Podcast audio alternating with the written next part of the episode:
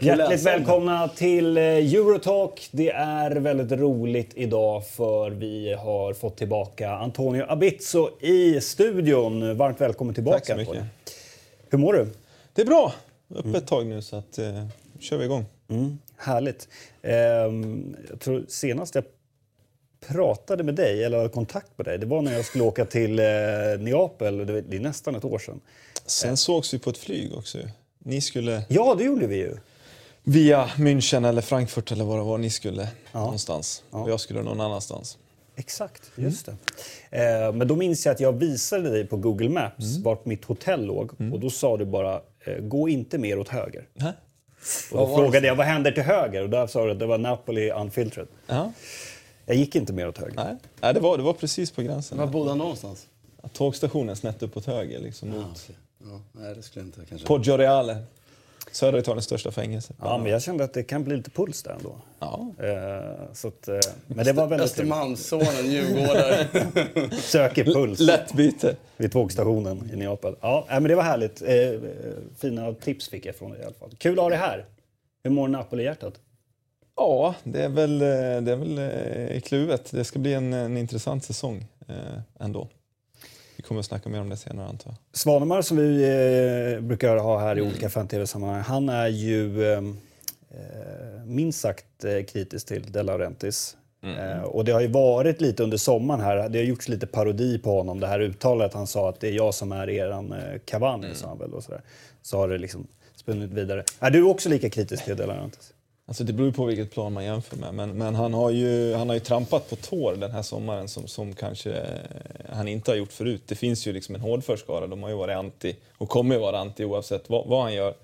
Eh, men sen finns det ju den här breda massan som, som någonstans har accepterat en viss jargong på grund av att man har tagit sig uppåt och man har sett liksom ett momentum. Och nu när man kanske inte ser samma momentum plus att han har tagit sig lite friheter och sagt en del olämpliga saker så, så har det ju börjat pyrt även eh, hos, hos andra fraktioner av, av supportrarna. Eh, köpet av Bari var kanske droppen för många också. Det. Vi återkommer till lite mer... Fan, jag eh, har glömt bort det redan. Ja, just det. Ja. Ehm, Fifa har ju uppdaterat sin eh, ranking med, med landslaget. Sverige på 13 plats. Säger det någonting Martin? Alltså, um, Uefas ranking av klubbar och, och ligor är ju ofantligt mycket bättre än den här uh, Fifa-rankingen. Samtidigt är det otroligt mycket svårare att ranka ett landslag. Eh, och det är tydligt att VM har fått ett mycket, mycket större genomslag. Och det är å andra sidan... Alltså det är ju orättvist, men det är rimligt. Om du förstår vad jag menar. Det är orättvist därför det är ju, det, vi pratar om fyra veckors formtopp liksom, som ska göra en väldigt stor del av rankingen. Men samtidigt, vad är det som är FIFA, Fifas tävlingar? Det är ju VM. Så det är också rimligt å andra sidan. Så att, sen tar inte jag så himla hårt på det där. Det, det drabbar ju, i det här fallet gynnar det ju oss i, i framtida eh, lottningar kanske. Men är det inte så att de har, har de inte stuvat om i matematiken bakom det här? Ja, gör de Kapat det här? Ja, så Nej att- men de har gjort om ganska rejält ju. Så att de här, det var ju vissa av de här Georgien och de var ju rätt smarta. De visste ju vilka de skulle träningsmatcha var- mot. Och så, så Sverige gjorde inte det. Ja, precis. Sen undrar jag då liksom lite också, förresten, det är ju ändå Uefas ranking som gör hur svår vår lottning blir. Så den här har inte med lottningen av kvalgrupperna i Uefa, eller hur? Det är väl ändå samma? Det tror jag inte. Det är mest Ja, det är jag tror att det är samma rank. Jag tror att den här ranken är, är vettig när man väl går till VM och får lotta sig in i grupperna. Men för att ta sig till VM så är det Uefas landslagsranking. Nej, men den är väl bara, de, de, det är väl bara en under... Alltså, Den här grupp fast tagit till- bort alla ja, som, inte, som inte... Alltså, jag har aldrig hört talas om något annat. Det tror jag verkligen inte att det är. Jag tror inte Uefa och Fifa går i varandras ledband. Eller vad menar du att Uefas ranking skulle bygga Uefa på? har en egen ranking Ja, vad skulle den bygga på? Ja, men baserar- deras algoritmer. Jag vet inte, men jag tror att det är så. Ja, ja. Med deras egna algoritmer som gör att Uefas, när vi lottas i våra kvalgrupper, så är det den rankingen som Uefa har som är gällande då. Okej, det har jag aldrig hört talas om. Men det är möjligt. Nej, det är bara Eh, fått men- att det är så. Men däremot så skulle man vilja ha två, jag skulle vilja ha två olika rankingsystem egentligen. Ett som är just det här med kanske vad landslaget presterar då, men Mm. för att förhålla sig till någonting. För att här blir det ju som att sådär, okej vänta, rankar vi nu här världens bästa fotbollsnationer 1 till 15? Eh, det vore ju spännande att se typ om du jämför med hur många spelare från Tyskland som spelar, hur långt de går i europeiska kuppspel till exempel. Hur, mycket, hur många tyska spelare som spelar i eh, europeiska högsta ligor och så vidare och hur bra högt rankat, att man kan poängsätta det på något sätt. För då hade vi ju haft en parallell ranking. Så att därmed kan man ju tycka då att Sveriges prestation som landslag blir ännu bättre om man tittar på hur många svenska spelare som finns ute i Europa och så vidare. Någonting att jämföra med. För den här säger ju inte hela sanningen alls. Men vad skulle den rankingen säga då? Skulle man ha Ja, det relativa är ju, tal men typ att- ta Frankrike som fotbollsnation så har du ju extremt många franska spelare i många av de stora ligorna i Europa. Eh, nu skulle ju det synas här också eftersom de har världens bästa landslag för närvarande. Men om du kan vända på det. Nej men ta Tyskland då. Fem, det är inte världens 15 bästa fotbollsnation. Det tror inte någon av oss tycker. Nej, det. Men, men vad, vad jag tänker på att, att, det, att det, det, det måttet du beskrev måste ju då innehålla ett relativitetsmått också. För att om man är ja, det är nog inget, inget enkelt mått att få till Nej, alls. och jag förstår Men jag skulle vad- vilja, jag skulle vilja Vad ha skulle det. det vilja visa då? Liksom? Jag skulle vilja visa hur bra du presterar som fotbollsförbund eller liksom på något sätt. För det kan ju fortfarande Som en separat ranking då? Ja, men ju fan, släng in hur många tränare du har på högsta nivå också så får du en sorts helhetsgrepp av hur bra du presterar som fotbollsnation. Intressant. Ja, på Fifa så har ju eh, de eh, på något sätt löst eh, korruptionsproblemet kan man ju kanske säga. Med tanke på att de nu har infört någon slags eh, regel här då att du får inte, alltså om du är tillhör Fifa-organisationen då så får du inte kränka Fifa. Vad det nu innebär. Eh, man skulle kunna misstänka kanske då en visselblåsare. Sådär. Eh, och då riskerar du, gör du det, det som Fifa då tycker är att du kränker organisationen, då riskerar du avstängning från mellan två till fem år på fotbollsmatcher och allt möjligt. Från logen alltså. Precis, du får inte gå och sitta på vippen på den här Europa League-kvarten. Fast Om du jag, tänker att det här inte är riktat till att stoppa visselblåsare. För väl bestämt vara visselblåsare så kommer ju inte det Ja, då hindra skiter du i Det här är väl nog mer bara en PR-fråga. Att, att ingen, en vanlig snubbe som egentligen inte är visselblåsare, han ska inte vara kritisk och lyfta fram kritiska saker som kan leda till att någon rotar. Och, eh, eller? Nej. Och egentligen kanske det inte är så konstigt att man säg, inom ett företag har en Nej, policy att du, får inte, du ska inte gå ut och Kolla era liksom anställningskontrakt ska ni nog se att ni har Men det, Expressen. det, Men det ju- det här är deras jag- officiella texten. eller? Säkert. Jag tror att det här är från AP. Den här. För socker är ju intressant om de använder det i officiella sammanhang. Nej, jag tror att det är AP som har Det är, du, det, är det du tar fasta för. Men, eh, Visst är det nej, men de hade, det var väl ytterligare någonting här va? Om, om eh, eh, ja, precis, att ordet korruption saknas helt och hållet. Att det, är, det är nu inget problem längre.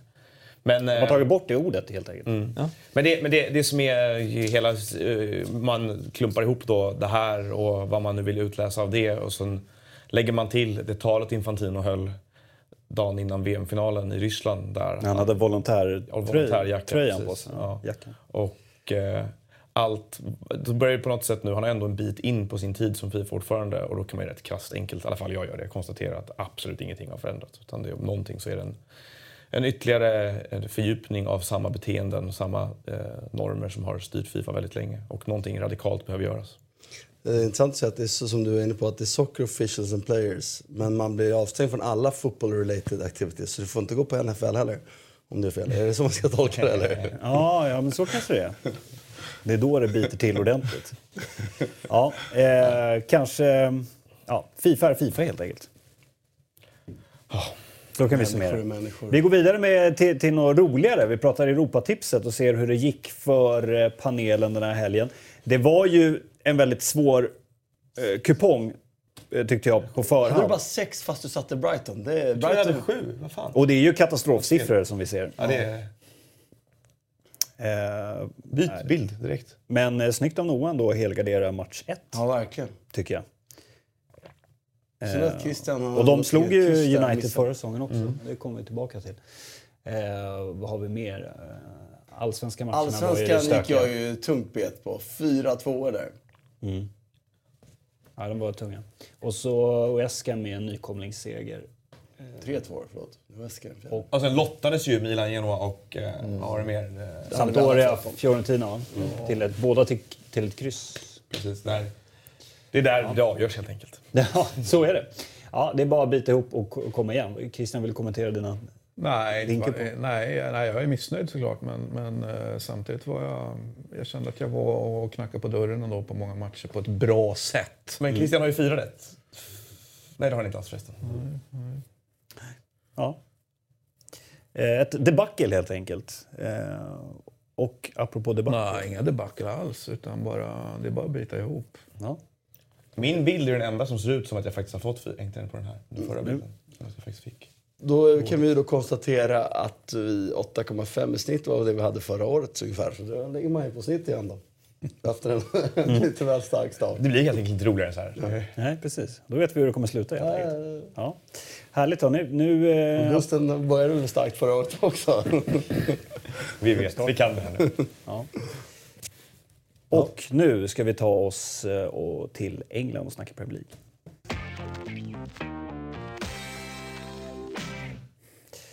Där vi hade ett eh, London-derby. Eh, Chelsea-Arsenal slutade 3-2. Letar du efter taktiktavlan? ja, jag tittar faktiskt efter den. Ja, vi kan nog eh, få lite hjälp så kan du få in den. Chelsea vann. Viktig seger för, för Sarri, två raka torsk för, eh, för Arsenal. Ska vi börja där Christian? Kanske och prata om Arsenals fortsatta problemen. Första halvlek var ju, var ju märklig. För det var ju, det var ju lite haveri hos Arsenal till början försvarsmässigt. Och sen vände det och blev försvarsmässigt haveri hos Chelsea. Och egentligen borde vi kanske Arsenal gjort typ fyra mål i den här första halvleken. Men försvarsspelet fortfarande ett stort problem. Initialt eh, var, det inte, var det inte alls bra, nej. Men jag, jag väljer att se det här eh, glaset där är, är liksom halvfullt. Jag, jag, tycker, jag ser mycket grejer som jag var nöjd med i, i Arsenals spel. Att det här, och jag tror att Emery kan sortera ut det, det har jag sagt tidigare. Och, eh, däremot har han ju vissa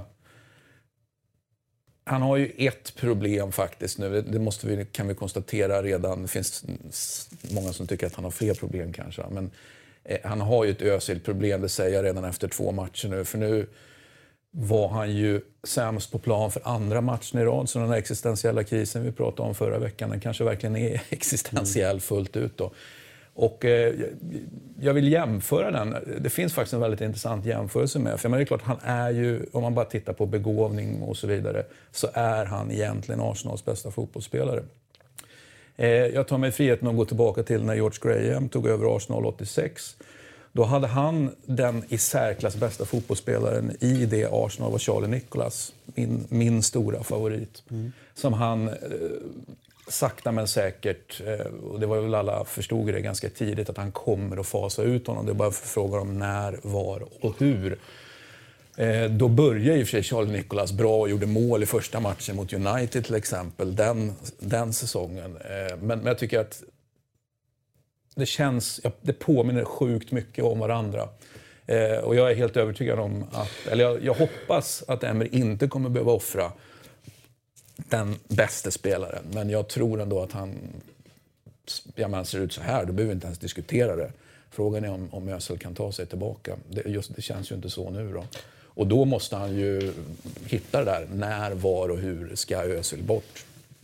Mm. Men det var ju, det var ju ingenting man har sett jättemycket när Özil har gjort tidigare, liknande insatser tidigare heller. Att, att en tränare, hans tränare i Arsenal vågar plocka av honom som han har gjort här båda gångerna. Att det här funkar liksom helt enkelt. Så jag är inte förvånad om han bänkar honom framöver. Jag är verkligen Nej, det om måste ju, vara nästa, måste ju vara nästa steg här. För att återigen, det ser ju... Han, vi, det var ju inte så att vi fick, fick en signal från Özil efter den första riktigt dåliga matchen att han då gjorde någonting lite bättre den här matchen. Utan eh, känslan var ju att det var precis lika dåligt eller nästan ännu sämre. Faktiskt. Och ännu tydligare i kontrast till omgivningen då som var bättre nu än mot Ja, City. e- exakt. syntes Ja, så att, så att det kan man ju säga att Arsenal spelar ju faktiskt med tio man i den här matchen. Det är ju ganska olämpligt att göra i, i alla sammanhang.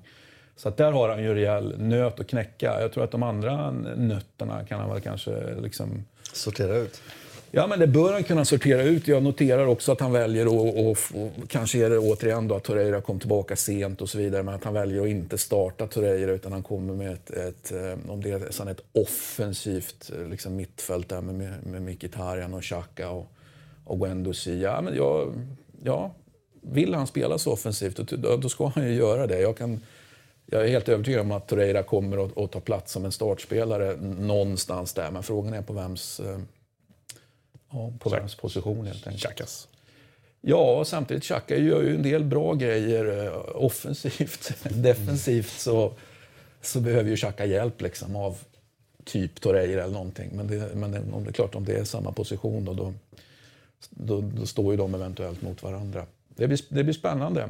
Jag tycker att Arsenal gjorde en, stundtals en riktigt, riktigt bra insats. Sen att de inte förvaltar målchanserna, det är, liksom, det, det är sånt som händer. Det är ju inte bra på något sätt, men, men det är faktiskt sånt som Det var händer. en mysig bild på ett sätt.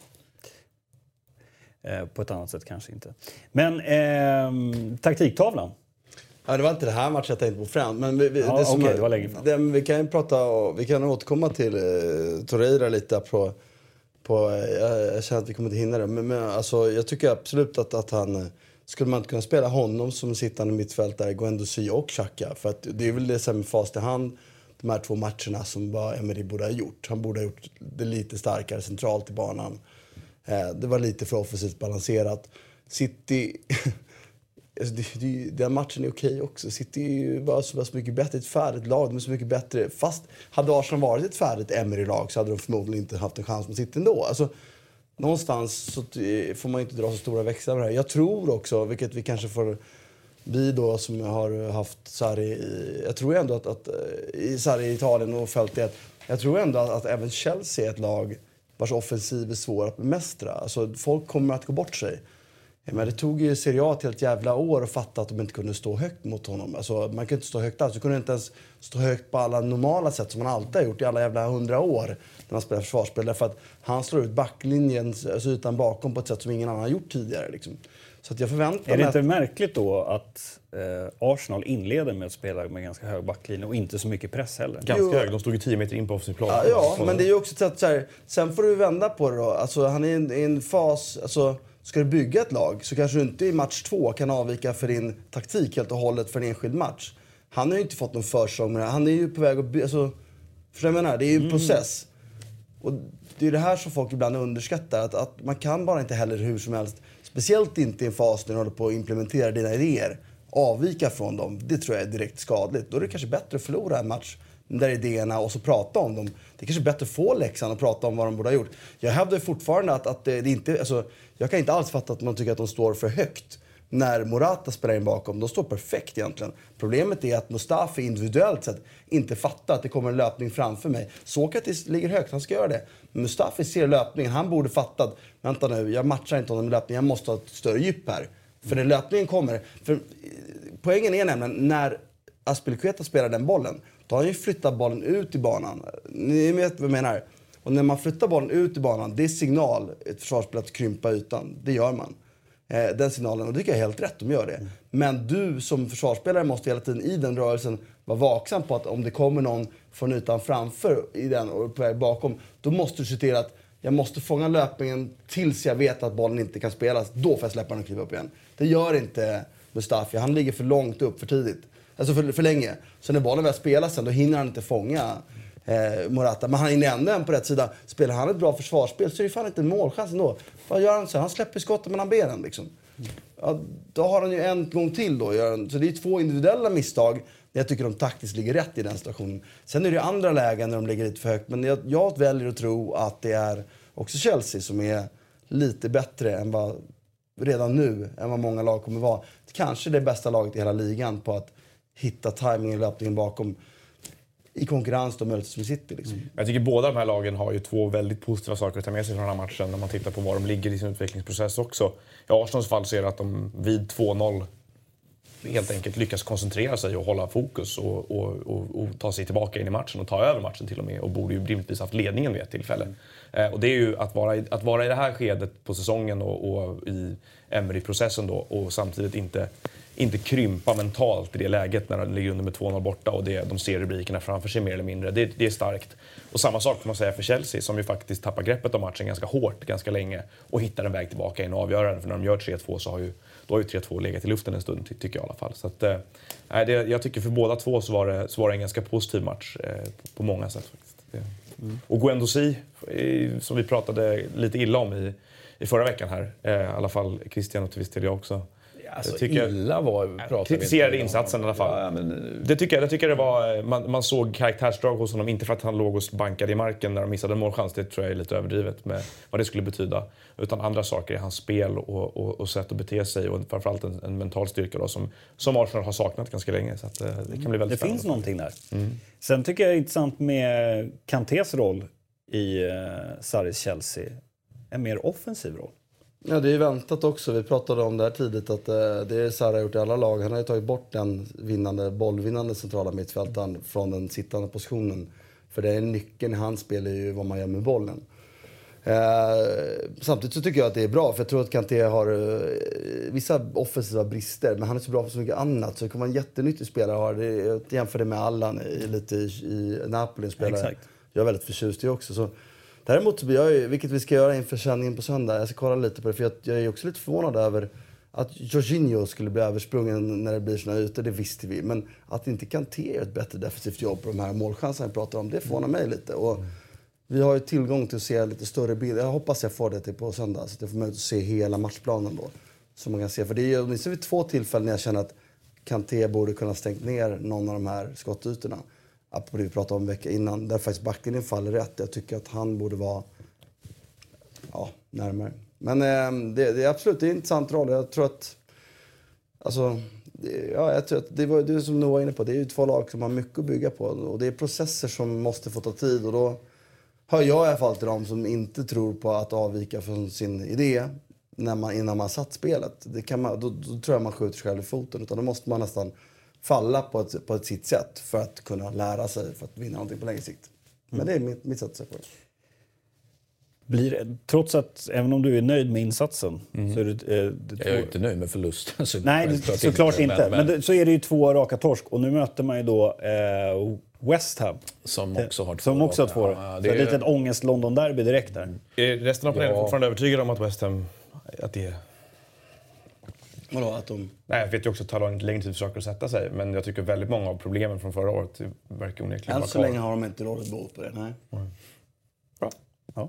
Men det, det, jag gått tror två att- matcher, jag. Ja, det tror jag det finns mer att hämta. eh, Men det kommer inte att vara lag för topp Tio. 10, nej, men topp 8 liksom. Där, däremellan sen tror jag att det kommer vara sjukt jämnt som förra året. gissningsvis. Ehm, vi går vidare till, eh, ja vi kan prata lite snabbt kanske om eh, City som vann med hela eh, 6-1. Där hade vi ju eh, Agüero eh, som eh, tog, levererade intressant också att Pep valde att starta med eh, både Jesus och Agüero i den här matchen. Det var ju rapporter från The Guardian då att Agüero skulle då bänkas i den här matchen och att Jesus skulle få chansen. Nu fick han ju chansen ändå och Agüero levererade. Sen var det ju eh, kanske Premier Leagues sämsta keeper också i motståndarlaget. Ja, mycket, vad mycket kritik han fick. Ja, men han var ruggigt, ruggigt svag. Eh, Men jag tittar på Huddersfield startelva. Ja, den är inte jättestark. Nej. Men de saknade ju skador och Ja, det gör de ju. avstängningar Men det är och fortfarande som att titta så här, barnafödande och... Nej, de får det tufft. det, ser ut som, det ser ut som att en, liksom en, en rik president i rumänska ligan har värvat ihop ett lag. Ungefär. Så, så tittar man tittar på pappret. ja. Apropå målvakter, Edersons assist. Den är helt sjuk ju. Ja, det är Vad är det, en sjukt. 75 meters passning som man sätter? Jag vet inte, de eh, spekulerade i att det är någon, någon med mätverktyg på tv-bilder tror jag har mätt upp det till 78 meter. Men man kan konstatera för att det, det är ett tillslag som är... För alla vet att som har spelat vet att det, det är inte bara hårdheten i det där. För träffar du för hårt utan att träffa rätt så kommer du inte få... Det kommer inte liksom... Den dyker, i utan träffa så perfekt tekniskt. Den bara liksom... Ja, det, Det är sinnessjukt. det är... Jag tror aldrig jag har... Det måste ju vara det, det bästa någon, någon tillslag man sett liksom. Ja, ja, Sen kan man ju diskutera att de borde kanske fångat det efter första försöket. Att eh, han faktiskt smög där uppe. Men ja, det är vackert tror jag. Och Kun Agüero kommer göra 40 mål om han är skadefri, tror jag. Ja. Ja, men Pep har varit inne på det att efter hans skadeproblem så har han aldrig sett honom i liksom så här bra fysisk eh, status som, som han har nu. Så att det, Det är skönt för City att äntligen få honom att lite mål. Verkligen. Eh, och, eh, jag satt igår kväll och kollade på, jag vet inte om ni har sett den här dokumentärserien? Eh, Nej, jag All, tänkte All or. Nothing. Lite grann. Eh, Är det så mycket kopplat till andra motståndare eh, som du... En del har jag sett. jag har bara sett första United avsnittet. i alla fall. Är det. Det, det var ju roligt i och för sig i typ vignetten mitten så, så är det under någon match eh, mot Arsenal och han skriker på Wenger att eh, du pratar bara om domarna hela tiden, gå på domarna hela tiden, håll käften. Liksom. Ganska, Under match, ja. ja, under matchen. Men eh, eh, i övrigt så tänkte jag också på när de... de Vem? Alltså Pep står, till- till, till Pep står och skriker det till Wenger under en match. Men det jag tyckte var intressant första avsnittet var när de liksom ska rekrytera Mendy då inför förra säsongen. Och att det var verkligen så här, det här är den, för Peps sätt att spela fotboll så är det här den bästa eh, wingbacken vi, vi kan hitta. Och sen blir han skadad tyvärr. Men nu ser man ju också, Han var bra. Verkligen. helt galet bra alltså. Nej, men de, eh, vi, kommer, vi kan komma tillbaka till den för att eh, det finns saker där i Peps ledarskap, som all det lilla som framträdde i den här dokumentären i alla fall, som jag tycker är intressant att ställa i kontrast till vissa saker man ser i Manchester United som vi kan, vi kan komma till. Eh, Alltså, jag, man vill ju se den där, verkligen se den dokumentären. Eh, Vi kan väl återkomma när vi alla fått se den. absolut. Absolut. Till nästa vecka som man hör. Ja. Ehm, ska vi prata om Manchester United då, som förlorar mot Brighton igen. Eh, och ehm, ska vi börja med vår svensk där som vi ser i bakgrunden. Victor Nilsson Lindelöf får eh, stark kritik i brittisk eh, media eh, efter den här matchen. Jag tycker det är lite fel person att ge sig på. Det var många i laget som var klart sämre.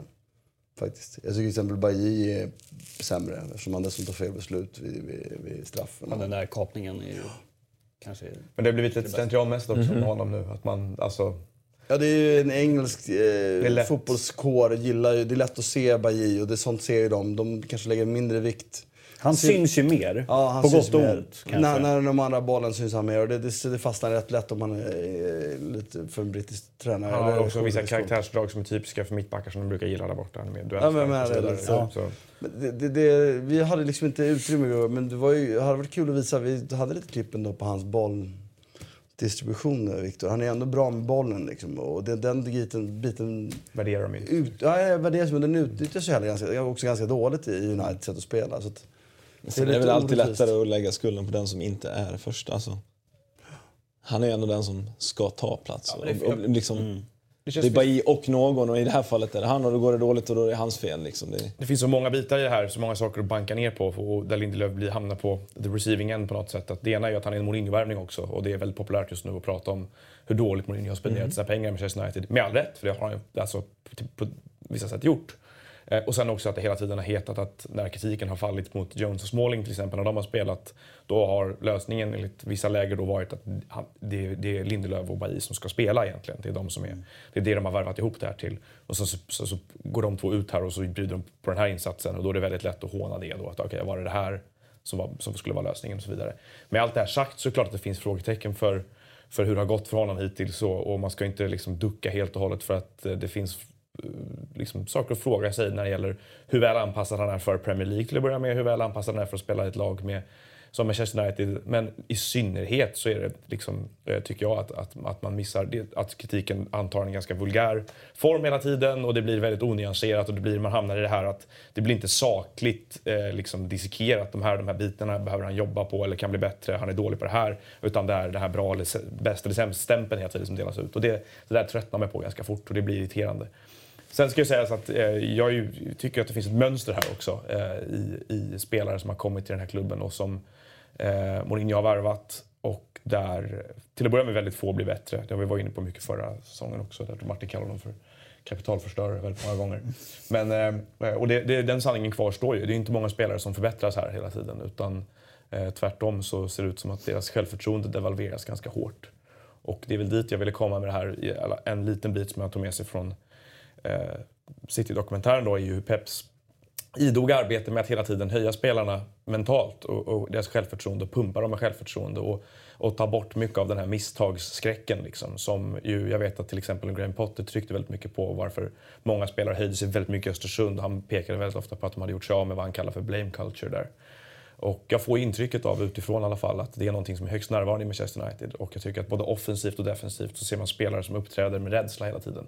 Eh, och jag tror att det är en stor anledning till att de underpresterar individuellt och som lag många gånger. Vid sidan av det taktiska som inte fungerar. Att det är ofta ett, ett, ett intryck av att eh, många av de här spelarna skulle kunna göra det mycket bättre om de faktiskt inte var rädda för vad som skulle hända om de misslyckades. Alltså jag bara, om man ska gå i sak i matchen med, med Viktor så, så han gör ju några, vi visade i studion igår, att han, han är ju, tycker jag, lite sen att ta sig in i position. När, liksom, när hans situation är överspelad så tycker jag att han mycket, mycket snabbare skulle vara inne i, i linjen eller jobba snabbare för att komma in. Man hinner inte alltid, men han tar för lång tid på sig. Det är en sån enkel grej som, som jag tycker många har problem med. Så, som eh, gör det, för då kommer du få bättre nytta av dina andra kvaliteter när du inte slipper hålla på att vara i en förflyttning in i position när situationen uppstår istället för att vara i positionen och få, få göra, läsa spelet eller göra vad man ska göra. Sen tycker jag ju att, att, att äh, egentligen, han gör ju fel på, på Murrays mål så tillvida att han tappar markeringen. Men jag tycker att det är, saker in, det är så mycket innan där som borde ha stoppat det. Så att, att han ska, jag förstår faktiskt inte det. Jag tycker Bajy där släpper inlägget mellan benen till exempel. Kommer zona ut lite för sent. Bajy drar på sig straffen. Jag fattar faktiskt inte riktigt den, den... Jag tycker, när jag såg den matchen igår så finns det många andra saker som jag tycker är sämre. Bajis insats gör jag sämre. Jag tycker mittfältet är ju... Alltså, dels hur de spelar. De, de har ju... I brist på att de har några no, idéer hur man skapar sig utrymme centralt så, så blir spelarna... Då blir det lätt... Jag menar, alla som har spelat vet ju att när du inte får bollen, när du inte lyckas bli spelbar, då droppar man ur. Eh, för att det är lätt att få bollen då. Eh, och det gör att United har ju inga spelare i den här ytan centralt i banan. Så, och när de väl har spelat in den bollen och blivit av, det är så målen uppstår. De blir av med bollen centralt i, i, i positioner. Och det finns ingen balans i laget då. Som gör, för man måste våga bli av med bollen centralt. För det måste man göra, annars, annars kan man bara skicka lång och kriga. Liksom. Du måste göra det. Men man måste också ha struktur för att när man blir av med bollen centralt, hantera det. Och det fanns inte i United och då blir det väldigt lätt att liksom, hänga mittbackarna. Jag tycker verkligen inte att det är det de... Det var inte Bajy och Lindelöf som var, var dåliga igår. De var inte bra. Men det är ju andra bitar som absolut fallerade mycket, mycket större och som de borde titta på och prata om om man tittar på fotboll, tycker jag, analyserar fotboll. Så att, sätt de här bitarna först. Om Viktor och Bajy sen var så dåliga ändå sen, ja, men visst, då kan man väl prata om det. Men om inte det första sitter, då är det liksom fel att börja peka liksom. Mm. Alltså, det är som att börja, ta, ta, man måste hitta symptomen först liksom. Mm. Förlåt, källan till symptomen. Mm. Ja. ja. Möter Tottenham om en vecka också. Ja, det känns ju som upplagt för en, ett Tottenham utan liksom någon större resultatstress nu i och med att de slog Fulham i helgen också. Upplagt för en fördjupad stress i Manchester United då, då som ju jag tycker också i Mourinho-frågan som ju ständigt närvarande på något sätt, eh, i alla fall i det här programmet, så eh, det faktum att de inte backat honom hårdare i somras, mm. det tycker jag kanske tyder på någonting eh, där. Att Woodward Hur många år har han på kontraktet? Ja, de skrev ju nytt i våras. Uh -huh. Sjukt nog. Eh, men det tyder kanske på att Woodward har sina dubier också nu vad gäller Mourinhos förmåga att bygga det här laget långsiktigt och att de inte valde att ge honom pengar till Maguire eller till Jeremina eller andra mittbackar som han var ute efter. Eh, och Vilket också, inte hade varit lösningen på problemet tror jag. Lösningen på problemet är inte att de har köpt för få spelare eller för billiga spelare eller för dåliga spelare. Utan det finns ju eller för få mittbackar. Det finns ju kanske en, en, en coachningsfråga här som ska kunna hjälpa dem framåt också. Och den känns som att den ignoreras lite för ofta. Exakt, men inte här i studion. Vi har pratat ganska mycket om det. Precis, vi kanske inte behöver prata mer om det. Nej, det, det kanske blir som en så här eh, Wenger-Arsenal-grej, en replig skiva. Vi sitter här om 16 år igen. Ja, ja det kommer vi inte behöva göra kanske. Jag är helt Nej, säker inte på att länge. det... Nej, men inte så länge, men att man återkommer till att det är samma sak hela tiden. Och... Ja, men har man gjort en analys och så ser man hela tiden utfall som går att härleda till den, då blir det lätt så. Ja, då, då blir har man rätt så har man rätt. Så är det. Ska vi titta på lite resultat kanske om vi har det eh, grafiskt. Det var ju, eh, ska jag sticka in lite här till eh, Noah, det var ju Cardiff Newcastle. Det var ett dramatiskt slut på den matchen. Skojar du? Ändå skönt att få en poäng, alltså om man bortser från straffmissen. Sett att eh, Newcastle ja, utvisning och inte var bra. Nej, som matchen, som matchen artar sig som du säger. Jag trodde jag var helt säker på att det skulle bli 1-0 till Cardiff. Någon sån här hörnretur mm. eller någonting. Det kändes som en sån match. Så typiskt också i början på säsongen när nykomlingarna som spelar på det här sättet ofta tar en hel del poäng. Eh, jag var helt säker på att du skulle torska och så en utvisning på Hayden. Rafa är ju ett geni efteråt som lyckas vända matchbilden med 10 man, vilket han gör riktigt, riktigt bra. Så Newcastle tar ju över sista tio. Och sen är det det, det mycket besynliga att Kennedy plötsligt är andra straffskytt efter Matt Ritchie som ingen förstår varför. Eh, och han har ju Apropå att bli slaktad i, i media och sådär. Kennedy. Han var så dålig. Alltså. Är, ja, han, är, han, är, han är en bra värvning och han har varit väldigt bra många gånger sedan han kom till Newcastle eh, under förra våren. Men det här var en insats som... Jag, jag kommer ihåg en vänsterytter som har gjort en sämre insats i Newcastle. Det är en kille som heter Alan O'Brien som Glenn Roder plockade upp från akademin för att ge honom en mycket generös debut hemma mot Charlton 2006-2007. Det blev 0-0. Eh, och han blev väl huckad i halvtid tror jag för att han var för dålig. Ungefär den nivån höll Kennedy den här matchen. Och skulle varit utvisad. Och skulle varit utvisad. Vilket kanske Så, var... så på det hela taget inte mycket att klaga på, men det var inte så att man inte plockade fram de fulaste orden man kan när det här gick rakt på Etheridge i 96 minuter. Sitter du och svär när du tittar på fotboll? På, inte på svenska såklart. Eh, Noah, du har ju eh, eh, småfuskat lite. Du har ju tippat sluttabellen, la du ut på Twitter, efter omgång ett. Ja, men det var ju, jag var ju ledig så fick jag inte hålla på med sånt här för mig Nej, själv. exakt. Men du tror ju att... Eh, vi ser Cardiff. Southampton, Huddersfield, Burnley tror du sjunker... Är det Europa League... Eh, eventuella Europa League-gruppspelet kommer ställa till det? Att jag, fortfarande, jag tycker inte de är så bra. Det, Nu var de inte bra defensivt i helgen, men annars... nej, jag tror, är det jag tror det finns... fröjd att se Burnley, vanligtvis. Ja. Alltså, eh. Wolverhampton är ett lag, så inför serien så trodde jag mycket mer på dem efter att ha sett den första matchen och den andra Det nu. där så ser jag ju Noah bara för att irritera dig, Martin. Nej, men då, ju, jag tycker det är en sån klassisk grej. Man tittar på ett par spelare som ser jättespännande ut i, i en Ja, nykomling. och träningsmatcher ser ja, bra wow, ut och- Liksom. Och, så, och sen så är det eh, allvar och då det funkar inte lika bra. Men, men, men det ska, sägas, det bara ska lägga. sägas att de eh, i helgen hade fog för att kunna vinna den här matchen. De hade en hel del ramträffar mot, mot uh, Everton. Nej, vilka mötte de? Leicester. Leicester.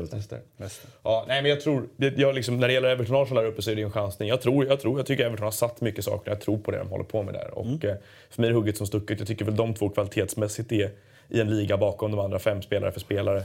Ehm, och eh, det, Nej, jag har ju samma topp fem, jag bara känner att det, så enkelt kan det inte vara. Liksom. nej, kanske inte. Nej, men det, det, det är ju någonting där vi går fel. Något av de här lagen kommer att fallera totalt. Och det är ju uppenbart att tro att Ja, Tottenham tror- och Liverpool och City inte gör det. Då är det Chelsea United som ska fallera det. Alltså United tror jag fallerar. Alltså United, United fallerar väl om de kommer femma. Det är ju inte rimligt Ja, alls. men mer, mer än det där menar jag, från vårt tips. Jag har exakt samma topp fem och precis samma sätt. Men ehm, nej, det, det som är, det, det som när man har Eller jag Liverpool etta, förlåt. Ju mer, ju mer jag ser, desto mer känner jag att, att, eh, eh, att Chelsea kan ha någonting bättre på gång än vad man kanske... För det, det är ju en Chelsea-cykel som ska pika nu snart här igen. Alltså, det är ju så här det funkar. Så att Sarri ska ju vinna ligan inom två år och sen får han sparken. Ja. Men Men det, ja, just apropå Chelsea, jag glömde fråga det. Eh, när det gäller Hazard, han kommer väl troligtvis då vara redo för start nu till nästa omgång. Tror du att eh, Sarri kommer köra honom som falsk nia på topp där? Nej, jag Alltså, tror vilken det, position inte kommer han nu. få, han kommer börja till eh, vänster, Williams position tror jag. Ja. Eh, Och så Morata där och så vill man gärna få in någon istället för Barkley. Eh, och, och jag måste säga att jag ska titta på matchen om igen, men jag måste säga att det såg... David Luiz position såg väldigt märklig ut. Liksom. Han är väldigt centrerad hela tiden, ingen dålig understöd och så rör sig för lite. Och blir ju inte lättare av den vänsterbacken som springer omkring där ute också, som kanske inte är Nej, nej, men det är ju han han har haft, haft Gulam och Husay i Napoli. Liksom. du menar Alonso? Jo, men ändå mm, klart bättre defensivt båda de spelarna än eh, Alonso, säger jag. Ja, kanske. Alonso har ändå varit Man måste, ganska man, bra Man måste genom, år, måste genom tid att de blir bättre också med sätt att jobba. Så att, Men eh, det, nej, det, Hazard kommer att spela till vänster tror jag. Men han kan också spela falsk nia. Det är absolut så. Jag, jag skulle gärna se någon som det för jag tror att, att liksom... Om man tittar på 4-3-2 är ändå mer, mer Sarri liksom. Tror jag än det här 4-3-3. Sen ser jag ju ingen ersättare. De har ju ingen med den fot som Insigne har. Liksom. Det är Jorginho centralt. Men de, de behöver kanske laborera lite med det där ändå. I takt med att lagen lär sig försvara mot det. För jag, jag tror ju att det, folk ändå snabbare drar slutsatser av att det går inte bara att spela försvarsspel med linjen som, som man gör. Det vill säga när bollen inte kan spelas då kliver med laget. För att det, eftersom de har inspelade mönster så spelar de ju bollen bakom ibland utan att man ens hinner reagera. Och innan det sätter sig, så, men när det har satt sig så tror jag att de måste... Det blir intressant att se Chelsea i ett läge där de ligger under tidigt. Och det laget som, som har tagit ledningen fattar att 1-0 räcker, sjunker 20 meter.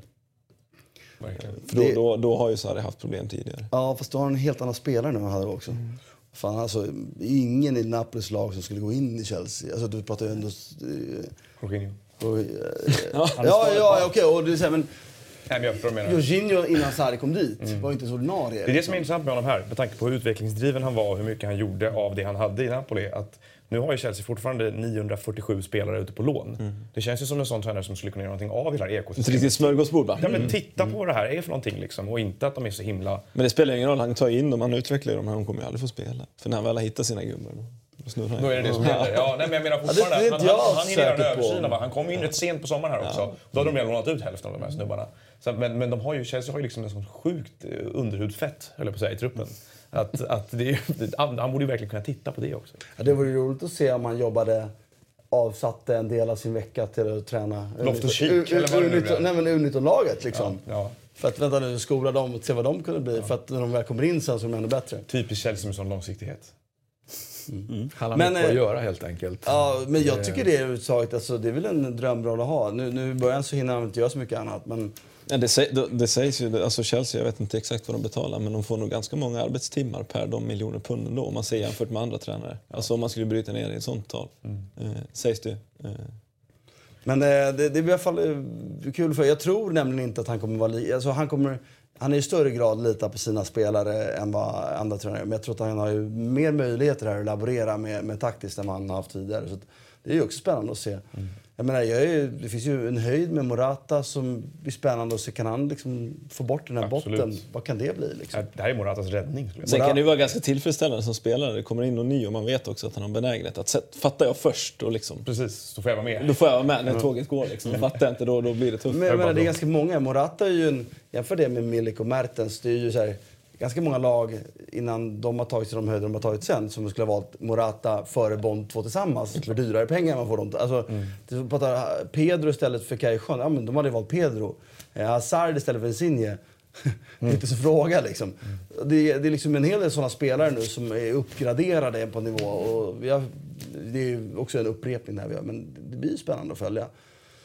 Såklart. Eh, samtidigt det en miljö då där, där det kanske finns mindre tålamod än vad det fanns i Napoli. Gissningsvis, på ett sätt. Alltså, det är kanske inte samma passion. Eller man ska aldrig jämföra passion, det blir så fel. Liksom. Men med, med högre, större resurser så kommer Men det, det- snabbare resultatkrav liksom, såklart. Så är det ju. Men, eh, men De är lite liksom, mer granskade av en större del av världen än vad man blir i Napoli. å andra sidan så har han, så har han eh, mer erfarenhet nu än när han kom dit också. Kanske snabbare kan få effekt än vad han kunde tidigare. Så att, eh, nej, men det blir spännande att följa helt klart. Och Hazard, jag menar, Insigne gjorde, vad gjorde han poäng innan, innan eh, i Serie A? Med, innan, han gjorde knappt något mål liksom. Nej, men med, med Benitez och, och där med Mazzari kom han ju fram så det var väl inte så mycket att, att bråka om då. Men med Benitez, han hade det ju delvis tufft ju. Ja, Alltså. och så, om man ser den poängutvecklingen för en spelare som Hazard, för det är ju det man saknar med Hazard. Det kan ju bli riktigt, riktigt bra. Samtidigt som sagt, det, det, det är en tuff, tuff, tufft att få typ tre veckor, fyra veckor på sig istället för att vara uppe i det här Di Maro i två månader liksom med laget. Och det, det är ju no, det är ju någonting som ska, för egen del, för, för var det några ursäkter han använde, det var ju när Napoli spelade på tre turneringar, det var ju liksom italienska cupen och så, liksom att man, han är ju en sån här tränare som verkligen vill göra jobbet på träningsanläggningen. Här har vi ju två inhemska kupper plus Europaspel och plus en liga där man fan aldrig slutar spela heller. Så, så att det liksom, på det sättet så har han ju det mycket sämre, eh, sämre för sig än vad man hade i Napoli. Han älskade ju de här liksom när han i ett, lä- Söndag, i, ett, söndag. I ett läge där det var landslagsuppehåll och det kanske var tre spelare som försvann. Det hade två veckor. Och liksom. Jag menar, i Chelsea, det blir, han blir ju själv där. Då kanske han kör med sin U19. Det är det jag U19 menar, då han upptäcker väl att han har Ja, Loftus-Cheek. men, men lite sådär. Så, så att det, det byggde ju mycket på liksom, att arbeta in de här, liksom, repetera mönstren och allt. Loftus-Cheek är ju en spelare som har lite kvalitet för tröskeln. Så antingen tvingar han tränaren, alltså spelaren helt enkelt att träna fler. Alltså vara där mer. Eh, Eller så, så Ja, men vi, vi, lösa det på något annat sätt. vi lägger det som prediction att Loftus-Cheek startar i det här laget inom två månader. Härligt. Vi går vidare till Italien. Vad fan, han är med också. I eh, Italien som har såklart präglats av eh, brokatastrofen i eh, Genua. Och eh, Christian, hur har det påverkat fotbollen förutom då att eh, Milan, Genoa, Sampdoria, Fiorentina då inte spelades? Ja, hur har det påverkat fotbollen? Det var ju rätt många som tyckte att de skulle ställa in hela omgången och inte men på något sätt acceptera att okej, nu blev det bara de två inställda matcherna. Man kan ju vända och vrida på det där. Det var ju ändå nationell sorg idag. Så att, Så man kan argumentera, det hade varit snyggt att ställa in helt kan väl jag tycka. Eh, själv ägnar jag åt eh, de- delar av helgen åt att sitta och titta på statsbegravningen där. Så det, var, det var väldigt, eh, ja men Italien står ju still på något sätt. Alltså, ju- Och Genoa eh, utan den bron står ju i alla fall mer still än vad man har stått innan. Det, är, det är inte vilken bro som helst det där. Utan Nej, jag vet att väldigt- eh, Thomas Wilbacher har jämfört det med, det är ungefär som att Essingebron skulle rasa. eh. Ja, nu är jag dålig på... Jag kör Alltså det, rent praktiskt så kan man ju säga så. Ja. Alltså. Alltså, det- om man Sen tar, symboliken, jag vet inte, den... Ja, nej, nej, men alltså om man pratar... Silhuettmässigt kanske inte Essingebron är lika framträdande, men, men rent, rent praktiskt för, för att få samhället att fungera är det ju... Den där byggdes ju för att i princip knyta ihop den Ligurien med resten av Europa, som är Nice och hela. Så det, det är ju liksom... nej, och, S- Ska du in från, från, från, från väst så, så kommer du ju här. Liksom. Ja, men, jag menar, ska man ta något egoistiskt perspektiv så är det en bro man har kört på jävligt många gånger. Och jag måste säga att, inte just den bron, men rent generellt när man å- jag åker, när jag åker på vägar i Italien och såna större broar, för det finns på fler ställen. Så med tanke på att jag ändå känner samhället i Italien rätt så väl så, så är jag ju alltid, tanken har slagit mig många gånger. Att det är så här, med tanke på hur lätt de skyfflar saker under mattan och aldrig gör saker i tid. Sen när väl någonting händer nu så kommer det bli en jävla grej på gång. De flyger väl in någon bro och sitter på plats där och det, det blir någon fantastisk grej. Kanske. Men vad menar jag att, att, att då har man tänkt några gånger att fan, egentligen, jag sitter och kör bil på såna här vägar i Italien och jag vet hur de ser på saker, hur korrumperat eh, såna här, de här upphandlingarna är för underhåll. Gre- grejen är att det här, det här, alltså storleken av den här är ju kanske liksom unik de senare åren, men, men liksom, det har ju hänt liknande händelser på betydligt fräschare grejer. Tack och lov så har de ju lyckats eh, ske då i, i, i sammanhang där, där ingen har gjort sig illa. Det har ju rasat broar, tågbroar, bilbroar och tunnlar i Sicilien i 20 år. Men, men, En hel fasad i, i Neapel. nu hade ju den ett par 400 år på nacken också, så det kan man ju... Men, men det, Fast då byggde de fan grejer på riktigt, på 400 år sedan. Det, det problemet i Italien det blir så symboliskt för att det är också ett skede där liksom landet, många ifrågasätter liksom, vad, vad är vi för land, vad ska vi vara för land, vart är vi på väg? Jag menar framtidsutsikterna i Italien har ju de har inte varit sämre än på, så här på, på, liksom på sen digerdöden liksom spelades. Och så kommer det här liksom som ett slag i ansiktet. Det har varit två jordbävningar förra veckan liksom, så att det liksom det sätter ju igång mycket skit i, i, i, i, i, i liksom hela, hela samhället. Så det, det, är ju, det blir lite valet och kvalet vilken, vilken, vilken riktning man väljer att gå här. Och det märkte man ju också på, apropå eh, begravningen då, där, där är ju ny- den nya regeringen, där så att säga, de nya politikerna, de fick ju applåder. I vanliga fall, alltså de här begravningarna är ju, är ju väldigt intressanta att läsa oavsett vad det är för typ av, det kan vara eh, om man skjuten av maffia och så vidare. Eh, men- Men att försöka läsa hur man tar emot de här potentaterna, om man nu får kalla dem det, i kyrkan, utanför kyrkan. Vilka som vågar visa sig, vilka som väljer att inte visa sig. Det är ju ett helt det är ett helt, eh, så att säga, på ett sätt fantastiskt pussel att, att försöka lägga. Men här fick ju de nya politikerna, det vill säga Legan och Movimentet Cinque Stelle, här blev de applåderade och då de som har så att säga, styrt tidigare då eh, blev ju utbuade helt enkelt. Så att, eh, det, det tog, och, och extra pusselbitar som är som jag i alla fall tycker det är lite fascinerad av, de som har vunnit det här. Vi pratar ju om att, att det är upphandling och så vidare. Autostrade då som företaget heter är ju Benetton-ägt. Så det här är ju familjen Benetton som då har eh, haft ansvaret för den här bron och för, för de, vad säger man, vad heter autostrade på motorvägar helt enkelt. Eh, så det är de som sköter För det, det ska, det, underhållet. det, va? Och de är ju, alltså den kritiken som, som familjen Benetton är under nu, det ska bli väldigt spännande att se. Det är ju en av de, en av de liksom mer potenta och rika familjerna som aldrig har touchat fotbollen. De har varit väldigt noga med att inte göra det. Har ju satsat på rugby istället, har ju varit deras grej. Men nu, nu ja, något slags skägg i brevlådan får vi nog säga att de sitter med här. Mm. Sen får man inte glömma bort som svensk, alltså det här är ju som Christian säger, det är ju privat ägt. Eh, så på sätt och vis, en ilskan går ju mot staten och liksom ett helt system, men i grund och botten liksom ska man bryta ner det så är det ju en privat ägare som har ägt någonting som inte eh, kanske har varit eh, i ordning från början eller inte har skött det som man ska. Så, så att det, är ju, det blir ju intressant av den liksom, aspekten också. Men för att göra en svensk jämförelse, är det, men det är väl, vi slänger in Banverket här, är du med? Du, du, du splittar upp olika saker och ting och, och, och sen då har du haft en upphandling med att underhållet ska skötas eh, och ska skötas bra och så vidare. Menar, vi är ju rätt missnöjda med, med underhållet av eh, viss infrastruktur i Sverige då. Där kanske tåg är, är det bästa exemplet. Eh, Det är exakt samma diskussion som blir här. Nu är det ju väldigt dramatiskt eftersom så många har dött såklart. Och många har dött tidigare. Fast då är det som Antonio säger i Syditalien och då är är det rätt stora delar av det italienska systemet som ger fullständigt fan i det. För i södern kan du med ett visst svinn får man räkna med. Va? Nu helt plötsligt händer det här uppe. Då är det en mycket större grej per definition. Mm. Vilket ju är tragiskt. Ja. Eh, kanske inte berörde fotbollen så mycket. Jag tyckte ändå det var värt att nämnas det här som eh, hade skett. Om vi ska prata fotboll då eh, och Napoli när eh, Antonio är här så vann ju eh, Ancelotti och Napoli sin eh, mm. premiärmatch. Eh, vad, vad gick du in med för tankar i, inför den här premiären? Framförallt, man ska väl inte dra för stora växlar av försäsongen men det, det, det, det, har väl inte sett jättebra ut, det, det ska man ju säga. Eh, framförallt så, så började man ju med att plocka in Ancelotti vilket satte ju igång en hel massa energi överallt. Eh, och sen pö om pö som dagarna gick så, så, så dog väl den där energin ut när man insåg att det, det, skulle inte bli så mycket mer än så här.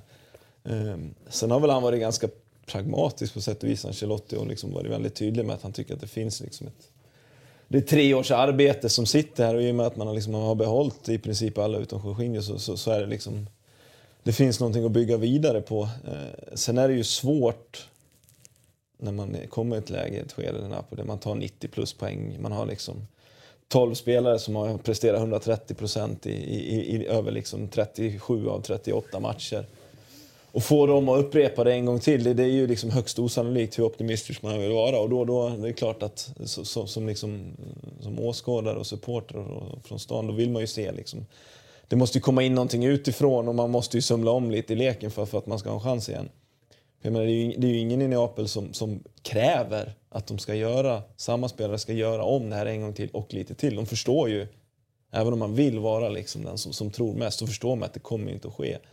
Eh, så i ett sånt läge när man gick in i den här säsongen så var det ju ganska uppgivet. Inte att vi liksom skulle åka ur, men, men att liksom, okej, okay, vi tog oss hit, vi kommer inte, det kommer inte bli mer. Och framförallt har vi en president som inte är, liksom är beredd att chansa. Mm. Eh, för det är, det är också det man säger, att det, det är inte det att vi ska bygga en era här, utan okej, okay, nu har du kommit så pass nära, liksom. du, du, du, du var där, chansa liksom. Skit i budgeten, skit i att räkna fram och över. Vad, tre stycken, vad behöver vi för att få liksom chansa ett år till? Och blir vi åtta och, och åker ur, ja men då har vi testat. Så det är ju det liksom. Man har ju haft tio stabila år i Neapel och då, då, då vill man ju liksom go for it. Jacka upp lite till. Ja. Och då blir vi jämförelsen extremt lämplig då, eftersom vi pratar om potentiella scudetto som inte då är något randigt lag. Eh, den som gjorde precis det som eh, kritikerna nu tycker att De Laurenti skulle ha gjort var ju Franco Sensi. Ja lyfte in Batistuta då bara för att ta en spelare där och då. Och sakta men säkert så, så gick ju familjen Sens i, i konkurs mm. helt enkelt och, och var tvungna att släppa klubben. Så att, men de fick ett guld. Värt att fundera på. Ja, men, men, det, men de fick ett guld! Men, och det, ja, men det fick ett guld och du låg i spillror. Är du med? Man kan ju vända och vrida på precis, det. Men blir precis femma, sexa och inte och så sakta liksom stabilisera sig femma, sexa det är ju inte heller så lockande. Då, är ju hellre något som, då vill man hellre tro på någonting stort och sen så fallera. Och så, I, i, sån är jag. I, i, sportsligt fallera, ekonomiskt fallera, det är ju det som blir skillnaden här. Det hänger ihop. Det hänger ihop. Ja, det, ja i, i, det fallet gjorde de ju inte det. Eller ja, det hänger ihop i ett negativt, eh, för att ta Sensi-exemplet. Då, va? Det, och, och då det, kan man ju säga att Delarentis är mycket smartare affärsman än Sensi. Det är möjligt att det är så. Framförallt i strukturerna nu så med, med Financial Fair Play, att det går att ta ett sportsligt... Det är, väldigt svårt i alla fall. Går ska man aldrig säga. Sen ska man inte glömma bort det med De Laurentiis. Alltså, han har ju inga andra pengar än de som finns i Napoli. När han kom in i Napoli så hade ju han lite pengar på sidan. Fick det ju för en spottstyver och tjänade pengar på att producera en julfilm om året. Den, liksom, den här Kinepanetonen som han ändå har dragit in lite pengar på, det, det är liksom... Det fenomenet håller ju på att dra ut i Italien. Eh, det, det liksom finns ju ingen återväxt till den typen av kultur. Att gå och kolla på dålig film i jul där så, så, att liksom, det är ju samma bolag som äger de här två. Det är ju liksom, det är ändå offentliga handlingar. De som har bemödat sig att läsa dem, de ser ju liksom. När han köpte Napoli, då var ju stapeln så här. Liksom. Nu är det ju liksom 95 procent av hans familjs förmögenhet är ju liksom det, det, det, som Napoli omsätter och drar in och det de kan plocka ut. Och jag menar, sånt sticker ju ut något fruktansvärt. I, i, i, i liksom, för det är en helt typ av ny presidentskap som, som, man inte är van med. Det kommer väl mer och mer, men där har man ju haft en potentat som tjänar oljepengar eller man har någonting, mm. eller någonting som tar en del av det och investerar och så, liksom, så kör man här. När han sitter och väljer, ska jag göra si eller så? Då, då är det liksom så här, men vad, vad ska min familj ha för framtid om, om 30 år? Om, om, och, och det är resonemanget, det, det tycker man ju inte om som supporter till ett lag som vill vinna titlar såklart. Nej, och man vill ju helst att han säljer klubben. Och jag tycker däremot att han ska ha beröm för det han har byggt upp. Han har gjort en fantastisk resa. Varför kan han inte Ja, men det, det, det, det, tror jag, det, det säger nog även de, de mest hårdföra. Om, Ja, man ja, ja. om man läser mellan raderna. Okej, vi, vi vet vart vi var, vi, vi är här nu, men enough is enough. Liksom. Nu, Ja, nu får han sälja klubben och gå vidare. Jag tycker att det är jättespännande om han börjar med Bari. Varför inte? Han har lyckats en gång. Jag, jag är imponerad av hans hantverk. Men det finns en, en höjd. Sen är han ju... Alltså, jag har träffat honom vid, vid två tillfällen. Då har han verkat påtänd bara. eh, och jag har hört andra historier om folk som har träffat honom i mer officiella sammanhang där han har varit... Han är en mycket, mycket märklig person, helt klart. Sen har i han som är en bra affärsman och någon annan omkring honom. Men han har vettet nog att ha någon omkring sig åtminstone som gör bra grejer. Det här han sa om Alisson och att de hade samma ägare och grejer. Vad var det? Det var någon konspiratorisk... eh, att, att, den, tydligen så, så, och det är också så här, det, han, han är ju inte, vad ska man säga, jag tror nog han insåg att han, han, hade, han hade varit ute och, och svingat för mycket så att liksom all fokus var riktad mot honom och det var hans fel och vi skaffade ingen målvakt, sen skaffade vi tre och ingen som man ville ha. Så skiftar man liksom fokus. Dels så här finns det ju schism mellan Napoli och Roma så det var ju rätt smart. Så sa man, ja, men vi la faktiskt ett bud på 60. Men de, de valde ändå att tacka nej och de, de, de liksom internsnurrade pengar mellan Roma och Liverpool istället. Då, eh, hävdade han. Och, och, och känner jag honom rätt så var det väl inte, liksom, han har inte grävt under där och hade väl kanske inte kollat liksom, på alla ägarstruktur. Nej. Och då var det väl någon på, på, på, i romalägret som, som eh, meddelade att ja, kollar man ännu djupare så är det väl samma ägarstruktur både i Barcelona och Liverpool och allting sånt där. Vilket i och för sig jag inte hade någon aning om. Men sen om det ska vara positivt eller inte det. Men, men han, han är, ju, är ju lite sån och han har ju varit ute och svingat alldeles för mycket eh, i, i sommar. Eh, Men det är ändå en imponerande seger eh, faktiskt. Och i en halvtimme kändes det som att det här kunde bli 3-0 till Lazio absolut. Men sen, det, det, det Den är, vändningen är ju bra. Och det enda jag känner någonstans där... alltså det är ju samma sak som förra året. Det finns ju ingenting som är Ancelotti där. Nej, nej, men Alltså, det, och det han har ändrat tyckte jag inte funkade så bra. Eller Milik får väl ge att han ändå såg faktiskt rätt okej ut i den typen av spel. Alltså, det, men- det är bara, det är bara att titta men på där Hamsik som sittande mittfältare, där tycker jag redan nu att vi kan bestämma oss för att nu är det fan ta med tid för Diawara på riktigt. Liksom. Så, så, alltså kollar man de spelarna här, det är ju, det är ju Sarri spelare fast med en sämre keeper och, och, och, och Mertens har fortfarande varit ledig. Så, sen är det ju liksom, och det är där folk säger, det är samma gäng fast liksom, jag tror att ska de göra det en gång till? Nej, det tror vi inte. Och det, det, det som kommer ske är ju förhoppningsvis för Napolis del, det är ju, vi har pratat om tidigare, att, att det är också en del inlåsningar med Sarri. Det var ju väldigt strukturerat. I en sån frigörelse kan faktiskt saker och ting se bättre ut. För det, det, en, det rimliga är då, det rimliga är då att när strukturerna inte finns där, sakta men säkert så kommer det avta och så, så, så kommer det, över tid tror jag inte alls på det. Det enda man kan hoppas det är ju att det är liksom det, det, det, det Sarri eventuellt saknar i, i det mentala. Alltså det här liksom att ingjuta ja, förtroende och liksom vara en, en, en, en som har vunnit och faktiskt inte sitta där och säga att ja, men, hur många Champions League-titlar har jag vunnit? Om ni lyssnar på mig nu så. Det, är ju, det, är ju, det är ju lättare liksom om du känner ute på plan att shit fan om jag gör den här vändningen så shit jag blev ju fri och så tar man åt sig av det. Men i halvtid när man ligger under med 2-0 och så, här, så ska liksom Sarri säga att ja, men, jag, jag har en känsla av att är, hans största brister är, ju- är ju där egentligen. Att, att liksom ha varit på den nivån. Att, att, att det finns en trovärdighet när det verkligen, verkligen ställs på sin spets. Och det tycker jag väl kanske visade sig vissa matcher på slutet av säsongen. När, det- när liksom, det var inte spelet som gjorde jobbet utan man var liksom, man, man, Koulibaly blir utvisad efter några minuter i Florens, okej.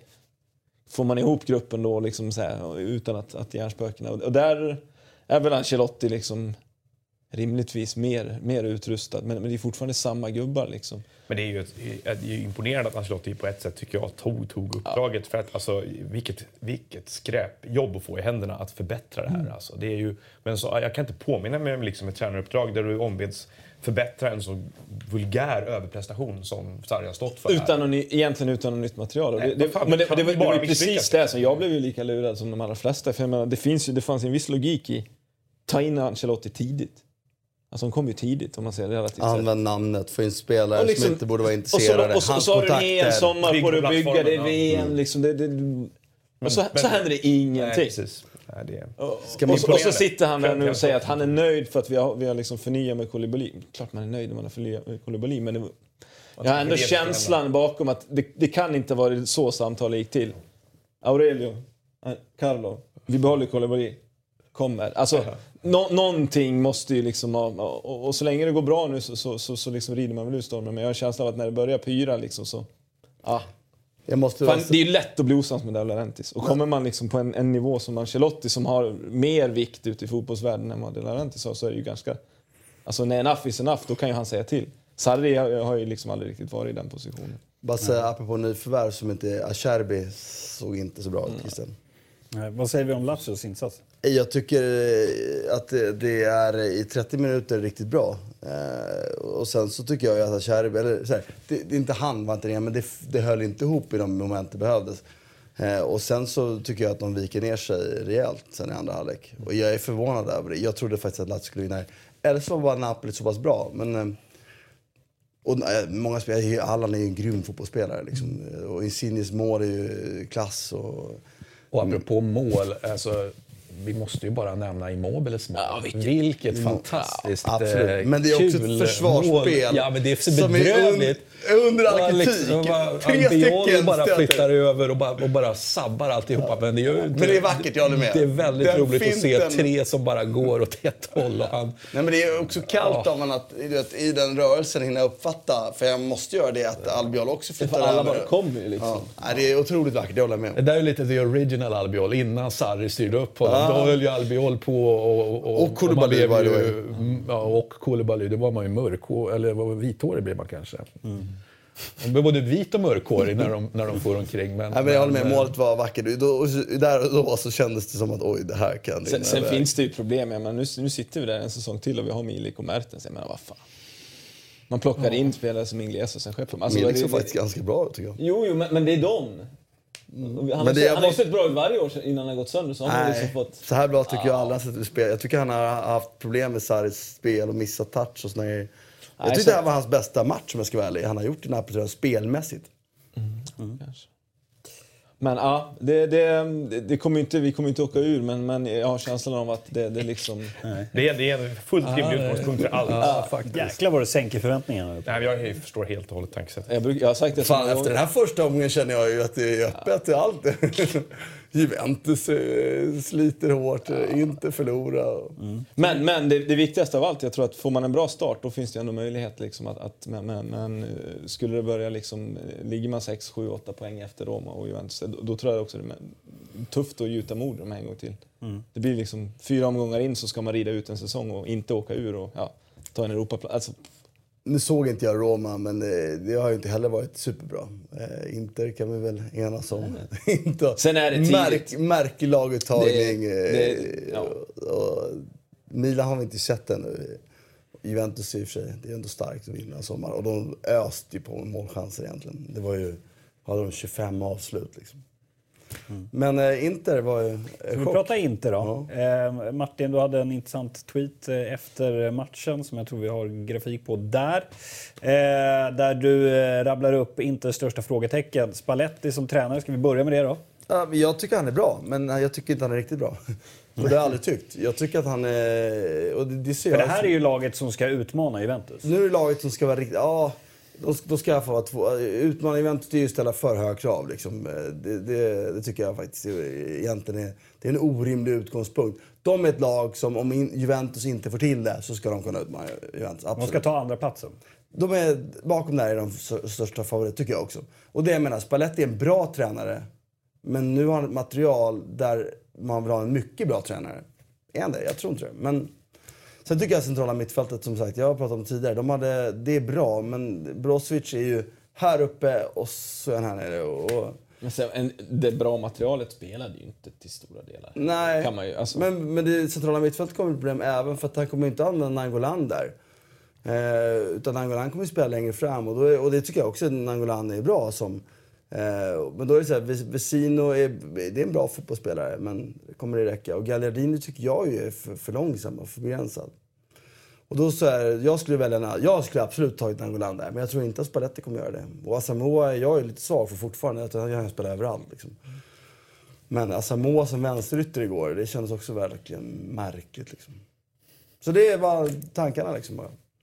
Eh, och nu, alltså det är inte rimligt att ställa krav på Scudetto. Det var, det var ju bara liksom bara Ja, nej. lyfta sak till. De hade, hade, de hade med, med Modric varit ett lag som kunde hota Juve. Tror jag. Och Då hade bara, då hade bara Spalletti varit frågetecken. Men han kanske har en Jag vet inte, matchen igår var ju en besvikelse. Nu tycker jag Sassuolo var riktigt roliga. Berardi, kanske det här är det äntligen hans säsong. Och Boateng, mm. ja fan, alltså han är ju ändå en bra fotbollsspelare. Är det Kevins med? Ja. Status Balotelli-varning på honom, eller hur? Han borde fått ut mer av den jävla Nej, men det ska jag inte säga. Men, för han är ju jävligt bra emellanåt. Han, är ju inte, han har ju inte Balotellis talang. Men det, det, var, jag menar, när, när Milan vann, alltså det, när någon annan än Juventus vann sist. Då var grym. I Sverige är det ju Zlatan och sådär. Men liksom börjar man, filtrerar man bort kanske vår liksom intuition att kolla den säsongen. Det var ju mycket Kevin Prince i det Milan, det ska man ju ändå minns väl det här. Det är sjukt nog att han, det känns som en evighet sedan han var och floppade i Tottenham. Men eh, han gjorde något mål på, var det på Barcelona i Champions League. Som ja, var helt otroligt. Och, ja. Men han har gjort så. Jag, nu såg jag ganska få matcher förra året, men de få jag såg när han var i Tyskland, i Frankfurt, så var han ju faktiskt eh, tongivande. Han var i Las Palmas innan va? Och där såg man ju Kanske fel miljö också.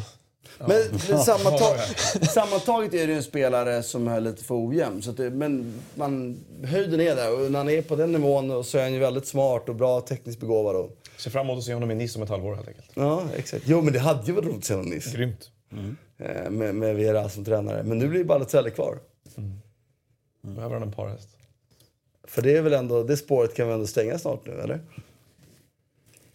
Det verkar ju liksom, det är inte många, det är, det är, Nej, det, det är Frankrike och Italien som är öppet fortfarande. Det som sades i helgen var ju att La Liga, La Liga och... La Liga är öppet. Tyskarna är väl öppna också? Okej, okay, ja, Frankrike är stängt. Nej, alltså Frankrike, Spanien, Tyskland är väl kvar. Okay, mm.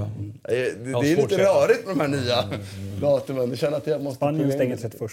Ja. Så, så de har hela den här veckan och nästan hela nästa också. Och, och Lautaro Martinez, eh, när det väl gällde så kan vi konstatera att det finns en bit kvar. Det var en bit kvar. Å andra sidan, en liksom, ja, mattan och allt vad det var där borta i, i Reggio var ju inte... Det var ju tufft, det var ju svårspelat. och då får man väl anpassa sitt spel ja, efter ja, det. Alltså, nu pratade Martin pratade om laget inte borde ha gjort det mer större utsträckning. Mm. Men, eh, och så ska vi också säga det, för att du fick frågan, Skriniar var ju bedömd, han har ju haft någon skadekänning mm. och därför spelade inte han. Det tycker jag är ett klokt beslut. Det är en lång så det, det, men det, det saknas ju ändå några gubbar i, där. Absolut. Så det finns, ju, det finns ju ett material. Men man ska ändå ja, inte förlora mm. mm. Apropå Mercato sådär, efter typ 25 år i Juventus så lämnar Claudio Marchisio. Eh, verkar vara på väg till Monaco, snackas det om. Ja, det är hyfsat nära. Ja, det, det, det kan vi Slipper åka bro, ja, broar också, eller ja, som italienare äger. Ja, ja. För det är några där i början som är rätt läskiga faktiskt. Han är ju ett superköp eh, för, för väldigt många klubbar på väldigt hög nivå, säger jag. Och få in som, alltså få in på trä, även om man nu tänker sig att han har inte kropp för att vara, kanske vara startspelare hela tiden, så bara få in honom och hans jävla mentalitet måste ju vara en dröm helt enkelt för i princip vem som helst. Mm. Så man vill i alla fall tro det. Ja, men det är, det är jag helt övertygad Jag tror han är bra i omklädningsrum och, och, och, och hela baletten. Liksom. Det, sen ska jag väl inte komma för långt ner i något serie, men Monaco är inte så långt ner i något seriesystem. Så att, eh, jag inbillar mig att han inte vill bli för devalverad heller. Var det kul att ha haft honom i Nice med Vera? Eller? Mm. Apropå Nice. Alla till Nice. Alla till Nice. Alla till Nice, ja. Precis. Alltså, nice är ju på många sätt trevligare än Monaco var ju också. Nej, man valde ju, eller, eller så valde Empoli att tacka nej. Men det var ju en grej man diskuterade som hade funnits en viss logik för. Det har ju varit mycket prat om att han inte kan ta något, eller alla gissar att han inte vill ta någonting annat i, på grund av respekt för Juventus så liksom vill han inte ta någonting annat i Italien. Men då finns det ju alltid några undantag som bekräftar de där reglerna. Och, och precis som att diskussionen om att Buffon med all respekt för Juve så hade det faktiskt varit okej okay om man hade gått till Parma och liksom kört där. Samma hade ju Marquisio, han ju, körde ju en säsong eh, på lån, på lån liksom, mm. till Empoli. Det hade ju varit, jag tror även alla Juventini hade tyckt att ah, men det hade varit en okej, okay, men, men jag tolkar det som att om det var Marquisio som stängde dörren eller Empoli kan man ju alltid diskutera. Men eh, dörren öppnades inte i alla fall. Det kan vi ju... Känns ju som en, en uh, jättehög odds att han någon gång återvänder till Juventus i någon sorts ledarroll heller. Nej, det, vi får se. Vi får se. Han är... Han är lite han är mer fin. lågmäld ju än, än de här som, som man direkt, direkt säger de kommer bli ledare. Just, just därför. Han tänker istället för att snacka strunt mm. Absolut. Jag, ser, och jag, jag tycker hela den här äh, meddelandet, tackmeddelandet var ju väldigt finstämmigt. Väldigt liksom, samstämmigt med en bild som Juventus vill förmedla. Liksom att, mm. Man är, uppträder som en vuxen, eh, de skriver man, men som en vuxen person och, eh, och att man alltid sätter laget framför jaget. Så är som, På tal om laget framför jaget så eh, slog mig nu när vi pratade om Arsenal förut, den här intervjun med Lichsteiner och Bellerin. Har ni sett den? Såg du? Nej. De, de intervjuas tillsammans av någon, jag tror det är Arsenals officiella TV-kanal som intervjuar dem, sitter bredvid varandra. för det får jag, jag undrar varför Lichstein inte, han gjorde ett bra inhopp första matchen. Och eh, de, Bellerin börjar prata tror jag och, och, och säger något så här, vänder sig till, till Lichstein och säger ah, men, eh, för mig är ju den här säsongen då en, en kamp mellan dig och mig vem ska starta som högerback. Jag, jag har ju i huvudet att jag vill starta liksom. Och Lichstein är bara, ah, nej för mig är det inte alls en match mellan dig och mig. Vi är ett lag och, och bara maler ner honom. Liksom, så här, i, ja, det är inte aggressivt på något sätt utan det är bara pedagogiskt förklarat av en vuxen till ett litet barn som, har, som ska spela en säsong. Jag försöker latcha lite och... Ja, ja, det, var, det var Juventus som var hälsade på i Arsenal en säsong på något Ja. sätt. Bra svar. Ja, men det är ju det man, det är det man hoppas, alltså, apropå det jag säger att den som får Marquis. Alltså, det finns ju mycket i det där omklädningsrummet så det, som, som är gott att ta del av om man kan ta del av det på rätt sätt. Va? Så att, smart av Monaco och hoppas för gud att det blir Monaco eller något annat i Europa. Vi vill liksom in, det var ju skönt att det inte blev Montreal. eh, Nordamerika. Liksom. Fy, vad det hade varit tråkigt. Eller, eller arabvärlden eller vad det nu skulle kunna varit för alternativ. En utstämpling helt enkelt. En utstämpling, utan han, han fortsätter att stämpla in och det får han jättegärna göra ett tag till. Vi har en lista på 11 supertalanger att hålla koll på i Serie A eh, den här säsongen. Eh, Wow vill ni lägga till någon eller vill ni utnämna någon att den här spelaren kommer bli, kommer bli krack helt enkelt? Nej, men det är spännande att följa, tycker jag, Kluivert eftersom man har eh, liksom hans, hans far. Sen eh, är det också han Musa Barrow, de fångar jag sett honom i Atalanta så har han ju gjort mål. Han ser löjligt bra Ja, ut, får och det- säga. och det- Nästan too good to be true. Det Ja, kan lite. inte... Och då är det lite det här att han är liksom fysiskt välvuxen och kanske inte har samma utväxling som en ung spelare som är 18 år annars var, för de var 18 förra året. Eh, Så de två så här spontant. Moiskine har jag sett för lite av var bra. Jag har sett honom i Verona. Han var i Verona så- förra året. ja. så utlånad. Då var han ju inte alls bra de matcher jag såg.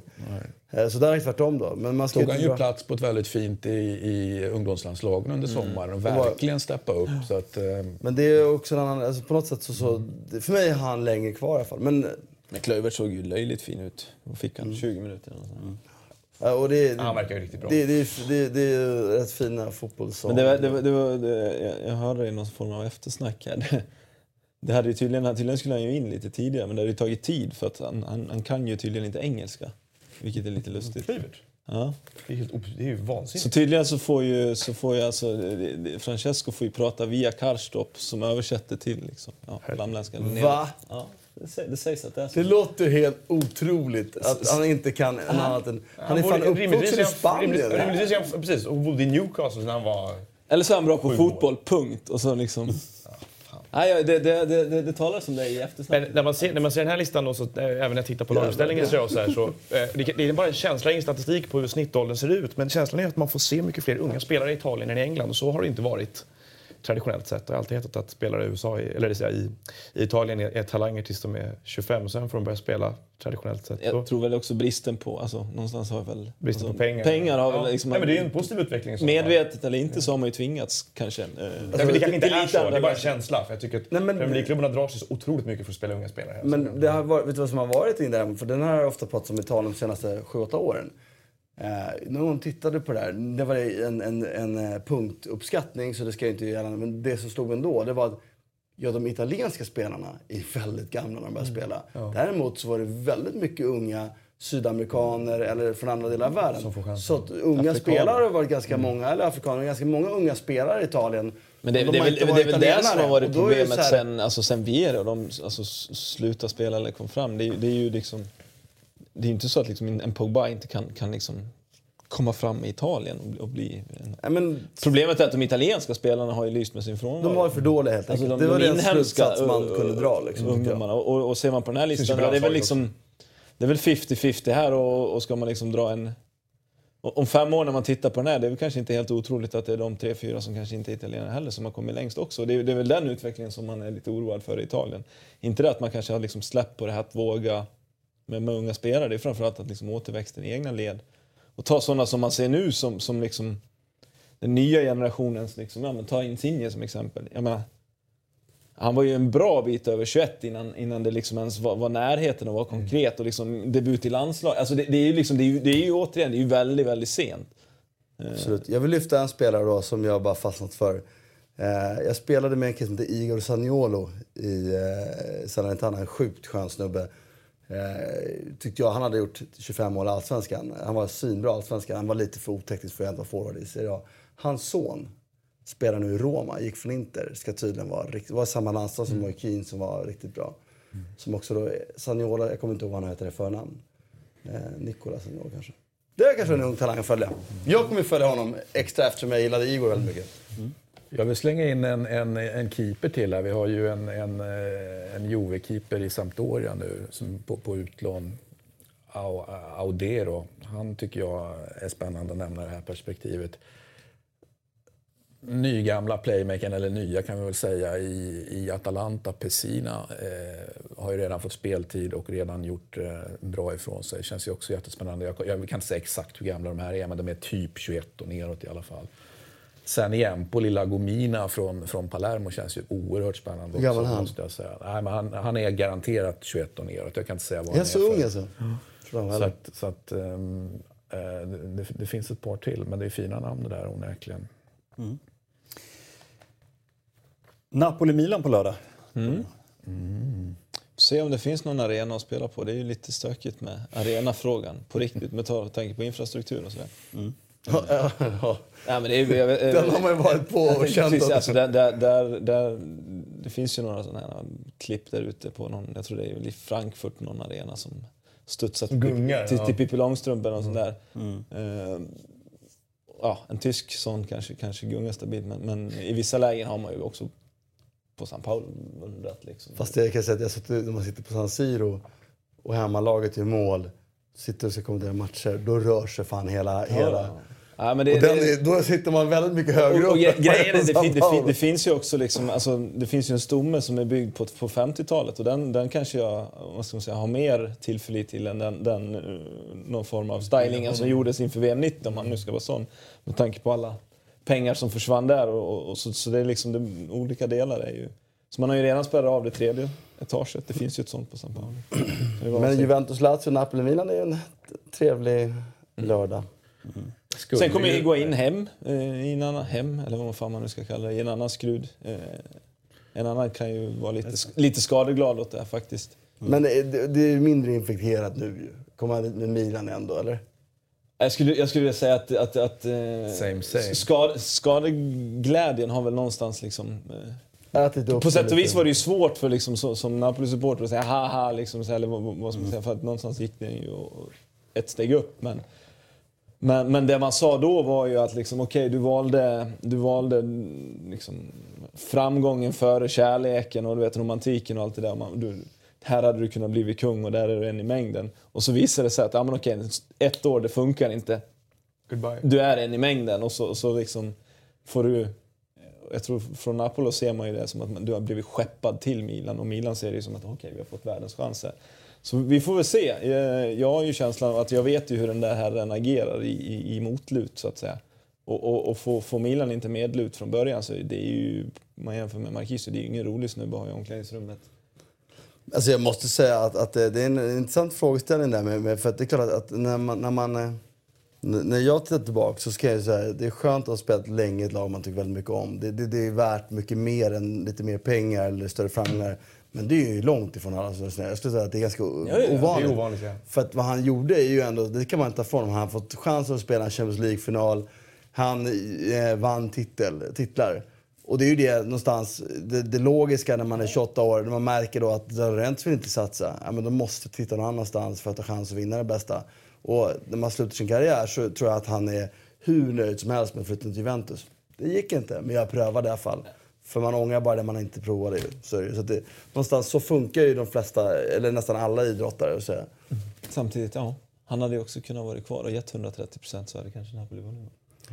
Det, du, om du håller med Martin om det här, då är det helt sjukt. Ah, nej, det nej, det, det, det, och- sen, sen är det intressant. Jag tycker ju, alltså, Ju- Juve- Juventus, man får ju ge dem mycket. Och, och liksom att, att, Att de, de, men det de också har gjort är att de har ju plockade ju först Pjanic och sen Higuain. Så på sätt och vis, de, de har ju ett annat sätt att kunna säkra... Ja, de centrade ju. De liksom kan ju säkra sin position på, på, ett, på ett annat sätt. Jag menar, Napoli kan ju köpa loss dem från Juventus för att liksom komma ikapp. Så det är, det är lite som den här klassiska sexpoängsmatchen. Du måste liksom du måste vinna och, och göra lite till. Och det har ju Juventus varit bra på nu. Och det är väl först nu de liksom, nu, nu, nu försöker de sig på samma sak fast på Europanivå skulle jag vilja påstå. Real Madrid. Ja, de bara okej. Okay. Vad, vad är problemet? Ja men Roma, de har, då tar vi den. Och så Napoli, ja nu är de nära, då tar vi den. Och nu vill vi dit. Okej, vad, har vi, vad har vi haft problem med de senaste åren? Och så lyckas man, vilket är jävligt imponerande. Gamla Bayern. Ja, men lite så. Man fick lite kritik av, eh, vad Rummenigge? Så, så värvningen av eh, Ronaldo. Nej, man tyckte det var för dyrt att betala för en 34-åring. Mm. Och, och, det tycker jag på ett sätt han har rätt i. Men jag tycker han, alltså, han och någon borde förstå vikten av att göra det de precis gjorde. Det är det jag menar. Gud, ja. Det. Att det här är ju, marknadsmässigt är det ju en supervärvning. Och jag tycker första matchen också visar att är han är inte där för att liksom, lägga pengar i bank, på banken. Han är ja, det kommer han göra oavsett. Så det... jo, jo, men det är inte det, liksom, det enda målet för han, utan men då, då är det, att, att Rummenigge säger det och då så säga, kritiserar André Agnelli, för det är ju någonstans det han gör, eh, blir ju faktiskt väldigt spännande. För det verkar ha funnits en väldigt bra eh, kontakt dem emellan. Men det, det, så, så fattar inte jag att han kritiserar honom. Han ja, berömmer det affärsmässiga. Jag liksom. noterar att mm. han ändå väljer att kommentera det. Han kunde valt att inte kommentera det.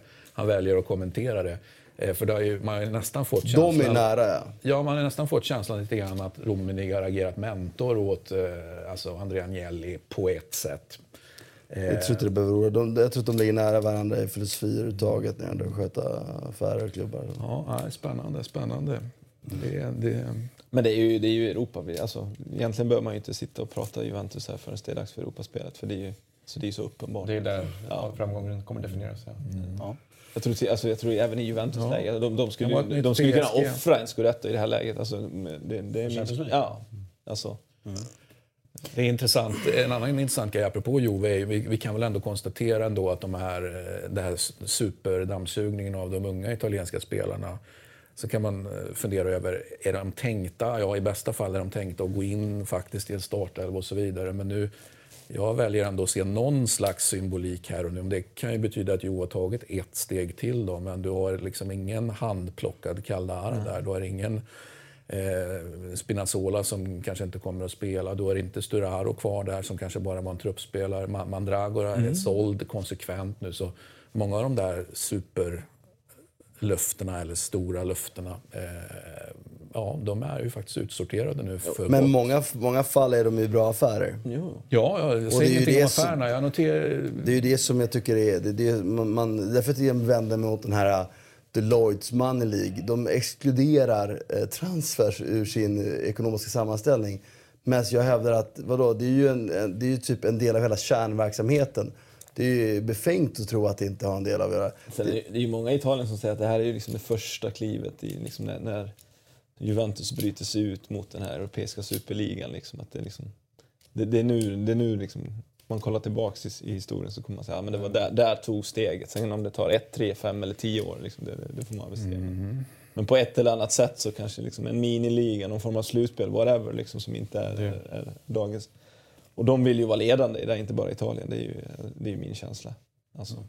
Och i skuggan av allt det här så gör Torino en jättefin sista dag på Mercaton. Lyfter in tre, bland annat Satsa som man snor från Sampdoria på ett ganska häftigt sätt. Om man är Torino, är man Samp så är man lite bekymrad och arg kanske. Och Soriano från Villarreal. Och vad bra de var igår. Alltså Spännande. egentligen. Spännande. Och de spelar ju inte de två. Och inte den tredje som är, är Gigi heller. Så att, eh, det tyckte jag var... Och Torino var bra. De skulle ha sålt Belotti bara då, för Jago Falki ska man använda. Ja, det, jag vet inte om inte han får gå nu. Falk ja, men jag tycker han är bra. Känslan, han gjorde mål igår. Känslan är det. Jag tycker han är bra. Ja, men jag tror han får... Det finns ju intressant, Hade jag varit det finns ju intressanta sålt Belotti, cashat in, för jag tror Belotti ändå har pikat och så, så få in de pengarna. Mm. Vi får se om det jag finns något bud på Belotti då. Alltså på Jago finns det ju bevisligen bud eh, från... Men det är inte eh, samma pengar jag pratar om? Nej, det är inte samma pengar. Men och jag tror att i den här... Belotti och, och ett Satsa blir spännande. Jag vet, du har sagt att de inte kan spela Jag tror inte de kommer att spela många matcher eh, Jag tror absolut att de kommer att kunna fungera. I sådana fall sjukt spännande, men väldigt lika. Det blir, måste bli lite mer direkt fotboll. Jago Falk är ju mer komplett så. Men eh, visst, Jag tänkte mest på att du får mycket bättre betalt för Belotti och jag tror att användningen av Jago, nu som är den här säsongen, när jag satsar in, kommer vara ungefär lika. Då skulle jag ha tagit pengarna för Belotti och så, så tjänat mer på det och haft utrymme till något annat sen istället. Men visst, det är ett bra lag och det är en eh, roligt lag för en sån tränare. Liksom.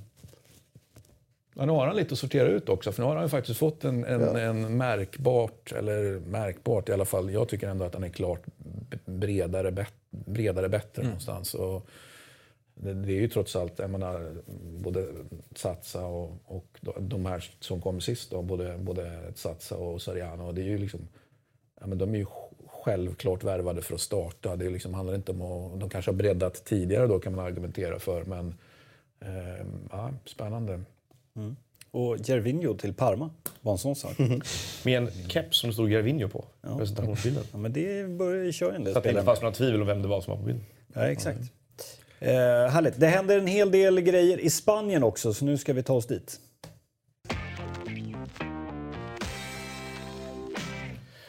Där måste vi byta ut den här gängen eftersom Ronaldo är med. Ja, Det är pinsamt. det måste vi. Det är pinsamt. Han sitter här och skäms. Ja, det måste vi göra.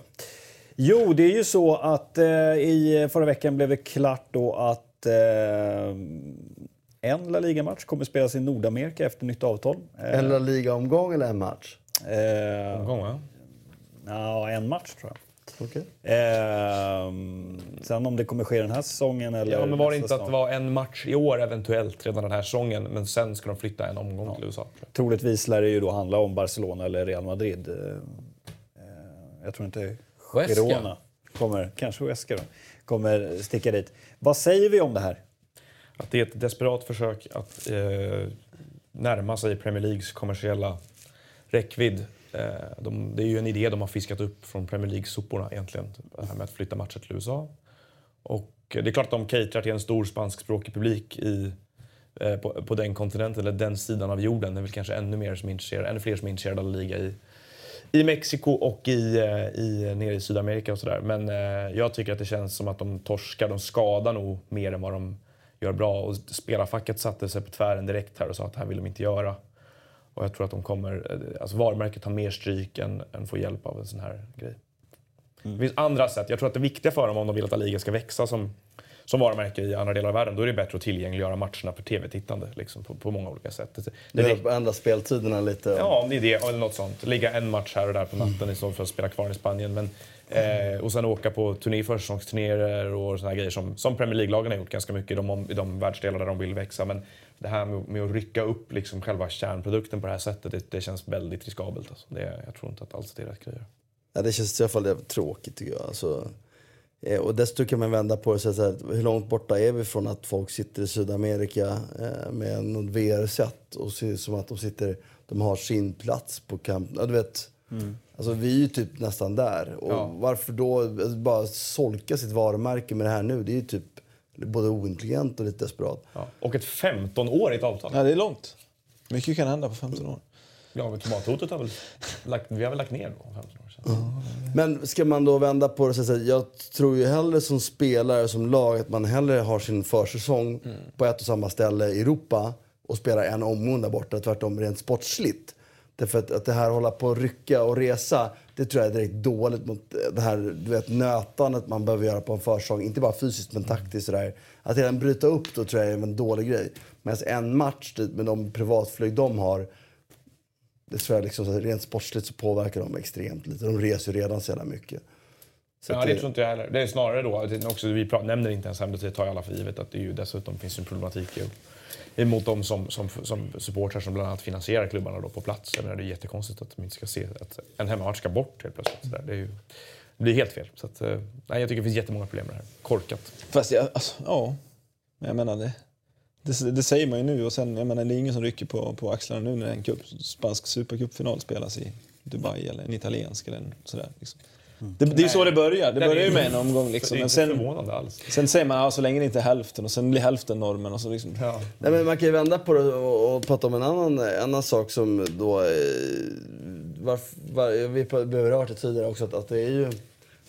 Det är synd på ett sätt att det är bara en liten del av världen som får ta del av världens bästa fotboll. Så det finns ju en, om man vill vara sånt kan man spela ett demok- demokratiskt kort. Liksom. Fotbollen ska tillgängliggöras för fler. Det är ju en fin sak. Liksom. Men eh, jag väljer ju att eh, inte se det så riktigt. Men, Men lokalförankringen är ju en viktig del av hela liksom, ku- så, kulturen. så är det att för oss, ju- absolut. Men det, det, det, vi sitter och säger det för att vi kan ta ett flyg till Barcelona och kolla på matchen.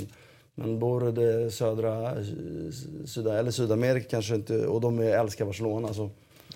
Men jag säger inte vad som är rätt fel, jag bara lyfter... Jag menar. Hur som helst tycker jag nog att, eh, jag menar, om, jag, tror, jag är helt säker på att det här är ju, de, de prövar ju extrema saker nu för att komma närmare Premier League. Premier League så långt före. Och, eh, eh, de har ju all, de har underpresterar ju marknadsföringsmässigt gjort länge La Liga, man kan ju tycka, eftersom de inte får varumärket växa eh, snabbare och bättre än vad det gör och inte närma sig. Så jag förstår ju vad de vill åt, men det känns ju som att de, som sagt också, de, de springer runt i, i liksom Premier Leagues bakvatten på något sätt här. Och det här, blev ju, liksom- det här tyckte ju många i Premier League var för knäppt. Liksom.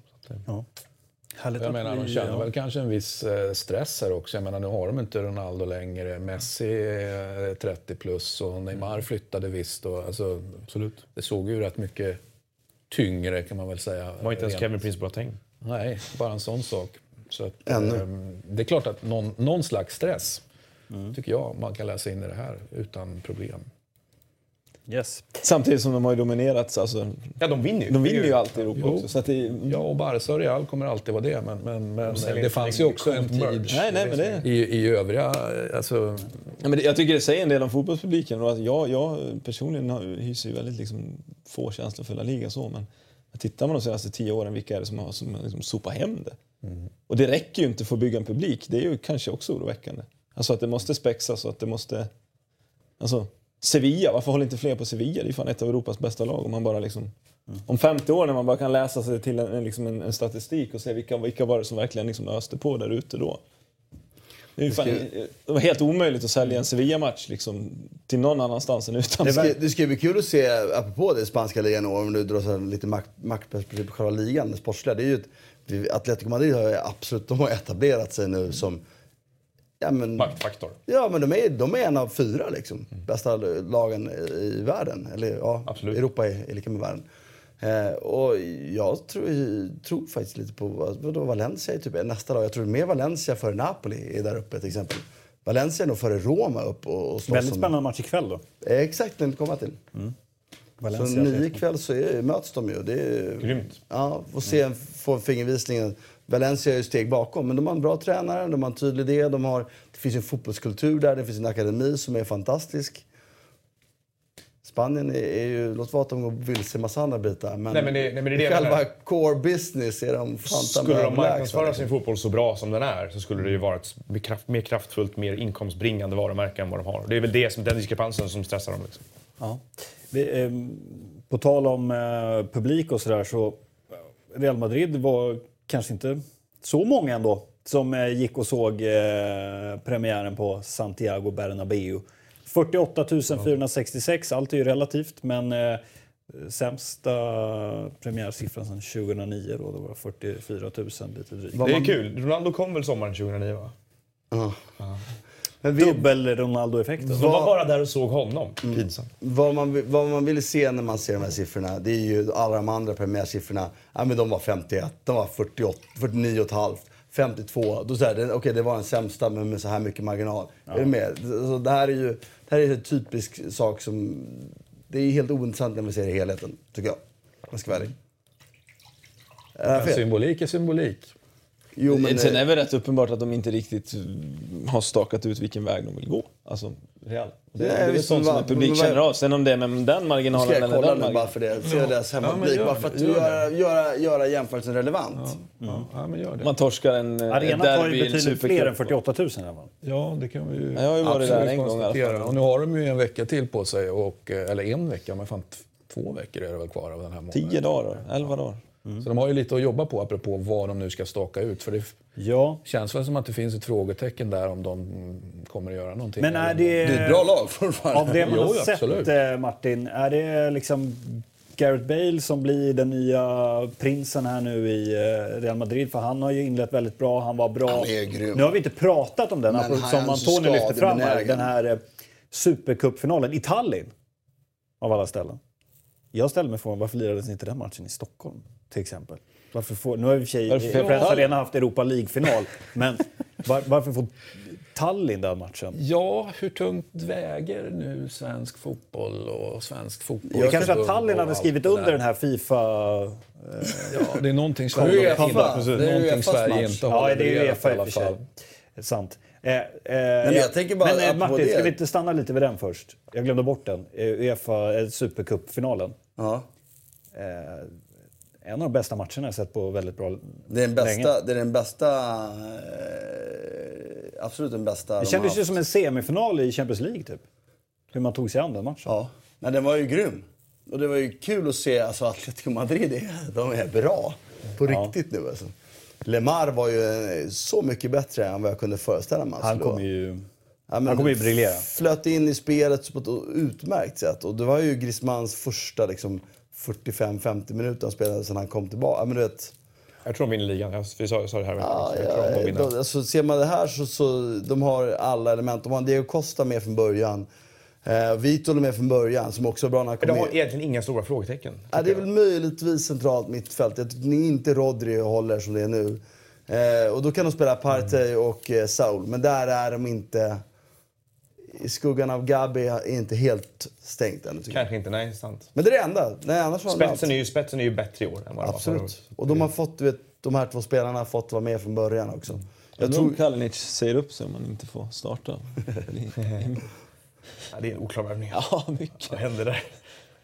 Det måste ju vara något så här gamla, gamla allt med Milan, att man har behjälpt er någon gång och nu, Ja, men nu, exakt. nu, nu får ni fan ta en, ta en för laget liksom. Det var någon som skrev till mig, det var en lite intressant tanke efter den här eh, Supercupfinalen, att eh, Saul eh, kanske är, om vi nu pratar liksom absoluta, de här lagen som är absoluta världstoppen, en av de mest underskattade spelarna. absolut.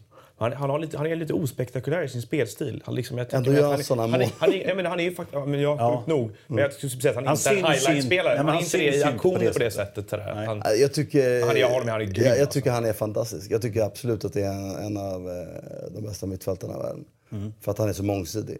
Bara han inte har, när jag pratar om Gabi, att han inte har samma defensiva duellspel och, och fysiska närvaro som Gabi alltid satt med. Och det tycker jag ändå var en viktigare beståndsdel för eh, Simeones sätt att spela än vad, Souls är. Nej, han är, jag tycker han är helt fantastisk. Alltså. Jag tycker också att, att det var kul att se, apropå den matchen då, jag, jag kommenterade den, jag bara, att i det läget med Lemar som varit så bra, de kanske vinner, så byter han ut Lemar mot Thomas Partey. Det känns ju väldigt defensivt i det läget. Men det är också det som vinner matchen åt dem. Han är i den positionen när han bröt och pressade på ett sätt som inte Lemar kunde göra. Ja. Simeone, för det var väl han som styrde ändå från läktaren. Det är också spännande det här med hur många liksom, här stjärnspelare som andra lag plockar från Monaco säsong efter säsong hela tiden. ja, det, är Nästa år. Marquisio. Exakt. 58,5. Tillbaka till Juventus för en miljard. nej, det, det, de gör någonting rätt där i Monaco. Ja. Eh, lite sidospår bara. Men eh, Real och Bale. Ja, men jag, jag har ju till de som inte tror på Bale för att han kommer gå sönder. Han kommer inte Han är hålla. ju skadad för Yes. ofta. Och därför så, men annars... Men det är ju så. Ska han vara fixstjärnan så är det väl... Kan Men fixstjärnan har spela han 95 ju. matcher? Spe, spelar det någon roll alltså, om man återgår till liksom grundfrågan? Om, man, om, om, alltså, om Bale gör 100 mål, det är fortfarande inte den spelaren som folk kommer fylla Bernabéu för att gå och se, tror jag. Nej men det gjorde, Alltså- inte, Ron- det gjorde inte Ronaldo heller i min värld. Han var ju inte populär. De gånger jag var där så var han ju inte utbuad liksom. För att de tyckte han var så dålig i spelet. Jag, tror- jag tror nog ändå han... De, de platserna som de hårdföra inte fyller, de, de hjälpte han nog till att fylla. Och jag tror att Bale inte kan ha den effekten. Nej. Jag Så- säga så nog. nu har inte Real Madrid börjat hemma någon match, men de har ju haft sin andra omgång har alltid varit. Så det är senare på semester och grejer. Eh, då har de haft eh, över 60 000 varje gång så här långt. När jag kollar. Så att, eh, jag ska försöka hitta någon omgång när de börjar hemma också. Ja, det är kanske det som är kruxet då. Börja borta. Det är för tidigt, det är för varmt. Få med sig en seger och sen... Eh, Ja, men Det är ja, ju ingen som är hemma på det är semestertider. så. Visst är det så. men eh, ska vi fortsätta prata lite Atletico då? Vi har ju snuddat vid dem lite. Noah tror att eh, de vinner ligan. Eh, Jag tror nog också att de faktiskt eh, gör det. Eh, Hej. Sno inte mina... Vi sa ju det. Vi var Max nästan en- smurf, det var smurf på den en förra veckan. person per åsikt här inne. Ja, okej då. De åker ur. Eh, men eh, Martin, du vidhåller dem alltså som eh, topp fyra i världen? Ja. Okej. Eh, Juventus, Bayern München, PSG, Man City, kanske Liverpool. Det, det är de, det är liksom, Är PSG där då? Jag tror det. Ja. PSG åkte ut mot Real Madrid, som vann hela skiten. Eh, i förvisso... Så kan i och för sig Arsenal också säga då att ja, vi torskar mot Barca. Fyra, nej men de gjorde ju det ofta. De fick ju möta Bayern Ja, ja, de, Bayern de, München och var, Barcelona. de var ju kanske bättre än vad, vad slutresultatet var, absolut. Jag tyckte de sa att de var bäst ändå. Typiskt. det var precis det de gjorde. Nej, nej men, eh, ja, de är absolut där uppe. Och, och, det, och så, att det är ju det mest kompletta fotbollslaget eh, som världen har skådat, tycker jag. Det vill säga, de kan, spela, de kan styra matchen mot lågt spelande lag. Eh, De kan eh, eh, spela lågt mot lag som måste hålla boll. De kan spela en rapp omställning, de kan spela långa bollinnehavsfotboll. De, jag tycker de har allt som man behöver ha i ett fotbollslag. liksom. Så att jag tycker att det, det, är, det är inte det bästa, men det, det, det, det mest... eh, Det bäst taktiskt... eh, Drillade.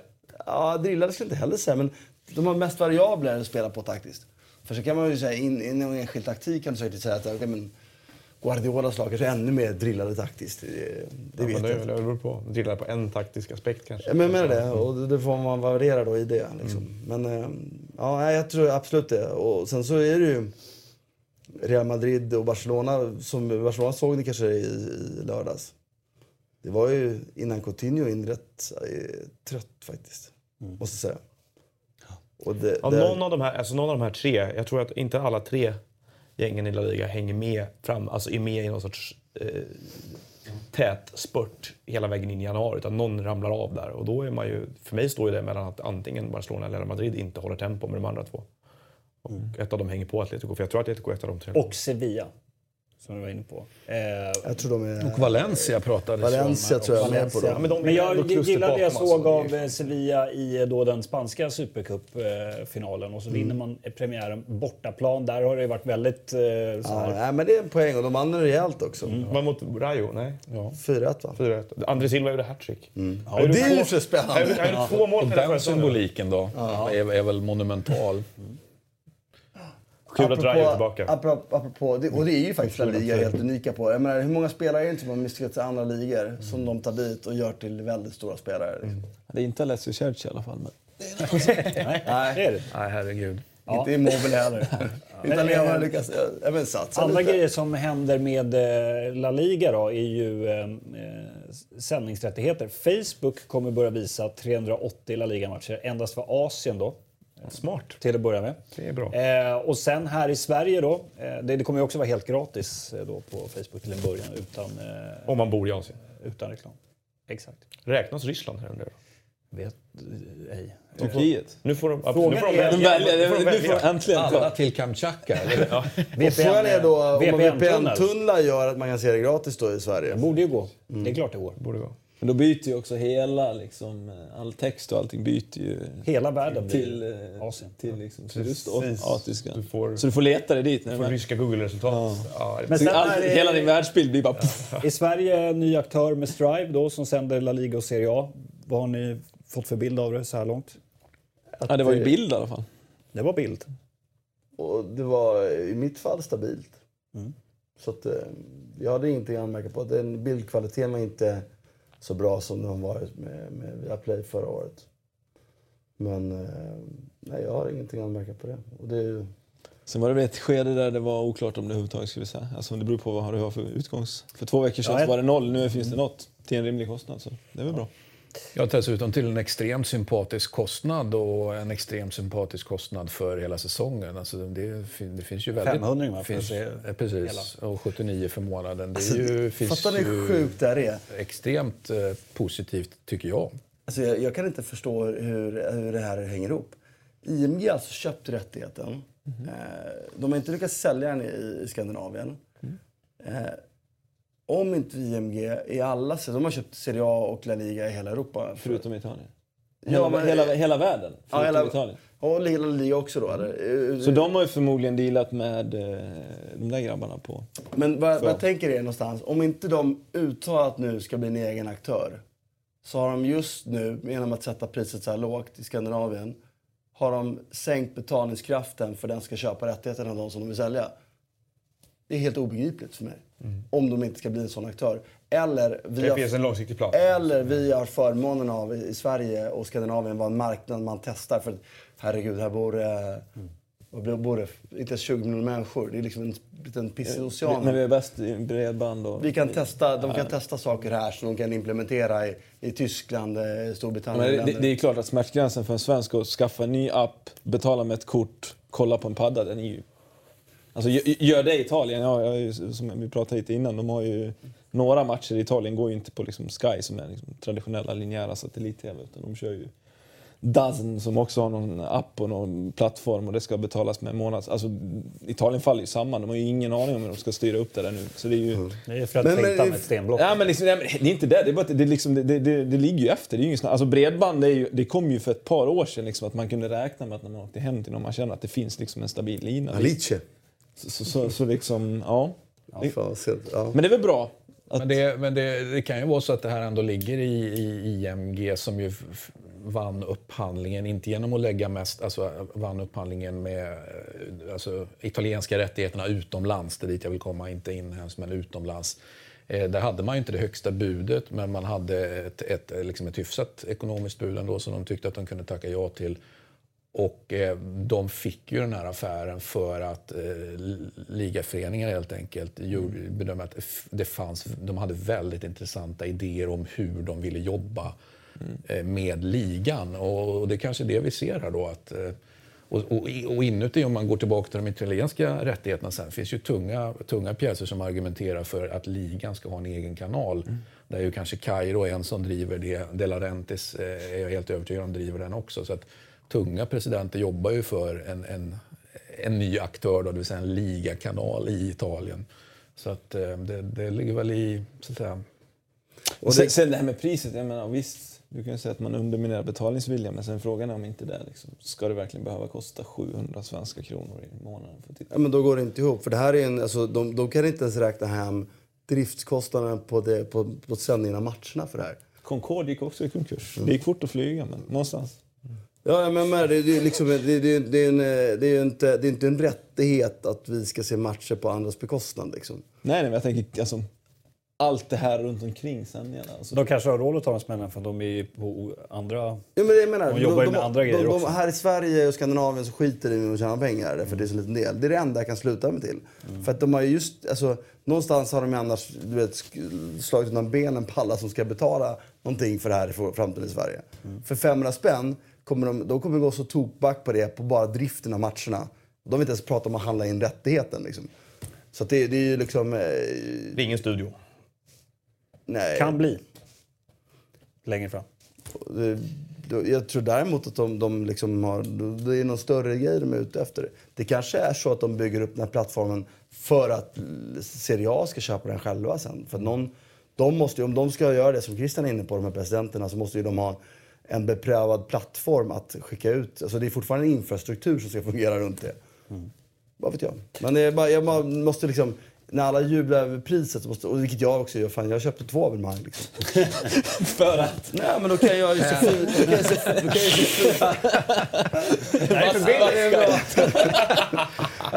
Nej, men då kan jag ju se fyra matcher samtidigt. Ja, och jag har dessutom två barn hemma som tittar. Då kan ju faktiskt jag, de sitta och titta på den match de vill utan att behöva sitta och kolla med pappa. Liksom. Så att jag bara, fan det här är ju Men jag vet ju också att, att, att någonstans, det här, jag vet att det här är... Så här billigt kan det inte vara om vi ska kunna säga. Det, det finns ingen infrastruktur som täcker, alltså det är omöjligt. Liksom. Jag köpte 10 000 abonnemang. Ja. Du köpte inte något. Inte fler. Du, Nej. fullst- du fullstreamade. Apropå premiärsiffror. Jag betalar för mig. Nu börjar jag låta som en bajare här, men apropå premiärsiffror och publiksiffror eh, var det 57 000 på Hamburgs premiär i, i Schweiz. Inte premiär, för den torskade de borta mot Nej, Holland. hemmapremiär hemmapremiär. menar jag. Ja. ja, de vann nu va? Till slut. Tror jag. En match. Det var kul för dem. Eh, Vadå? Det är väl härligt. Jag tycker att det var, vi pratade om det förra veckan. Det är ju dit eh, Premier League också kan gå nu. Liksom. De tjänar så spottstyver på publikintäkterna. Fan, sänk priset och ge, sälj årskort till de som Verkligen. medlemmar. Gör som Barcelona gör. Och se till att core business funkar där ju bevisligen Nej, det är ju publik, Men du Martin, varför publik gör man på inte det läktarna. i Det Sverige? här är ganska Till- viktigt. Ja, för att vi är ju ändå beroende av publikintäkterna. I Allsvenskan ja. Ja. ja. Ja, men ändå sänka och få upp, eh, komma till samma summa och få fler år. Fast det är ju inte analysen att det blir så. Alltså, det är skillnad när Barcelona gör det. Som, Barcelona har ju bland de, alltså Barcelonas säsongsbiljetter är ju jättebilliga att köpa. Eh, men det är ju också en jävla kölista på sju år att komma in där. Det är medlemmar som varit medlem längst. Och de, de har ju också system på det här med som gör det lättare för dem som bor... Alltså du måste ner och stämpla in en gång om året för att behålla din plats i kön. Eh, Vilket de gör. De- bygger närhet där som är, jag tycker är jättebra. Men jag tror inte fler skulle gå om man sänkte pris. På? Allsvenskan. Allsvenskan. Men vi bara prata prata om, klart om, vi kan återkomma, men just det, det är så Arsenal borde göra liksom. Istället för de dyraste biljetterna i hela eh, världen så, så borde de ju nu börja, börja tycka att okej, den det är så liten extra kostnad, eller intäkt för oss att ha det här.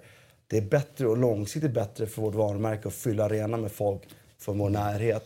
Som, Rätt folk. Så man här får säga så. är ju det här ett Premier League-problem. Men eftersom Jo, men de de har också och de ligger längst fram de har bäst möjlighet att lösa det liksom. Och de borde kunna lösa det. De borde vara jävla smarta nog att skott göra i det. foten och inte göra Ja, det. jag tror också. De, de, är farligt ute. Ja. Men de har också så otroligt bra grund nu för att lösa det på ett bra sätt. På, ta, på tal om symbolik, jag menar... Eh, De Laurentiis ställde ju in årskortsförsäljningen i år. Ja, just det. Skit i den.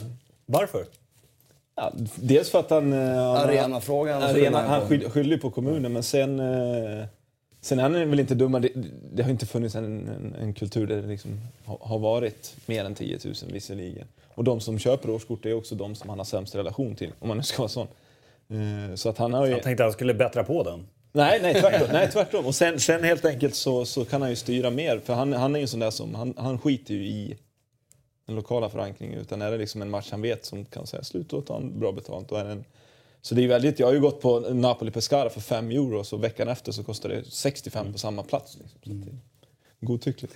Och för att gå tillbaka till Allsvenskan. ehm, det är ju inte speciellt dyrt att gå på Allsvenskan.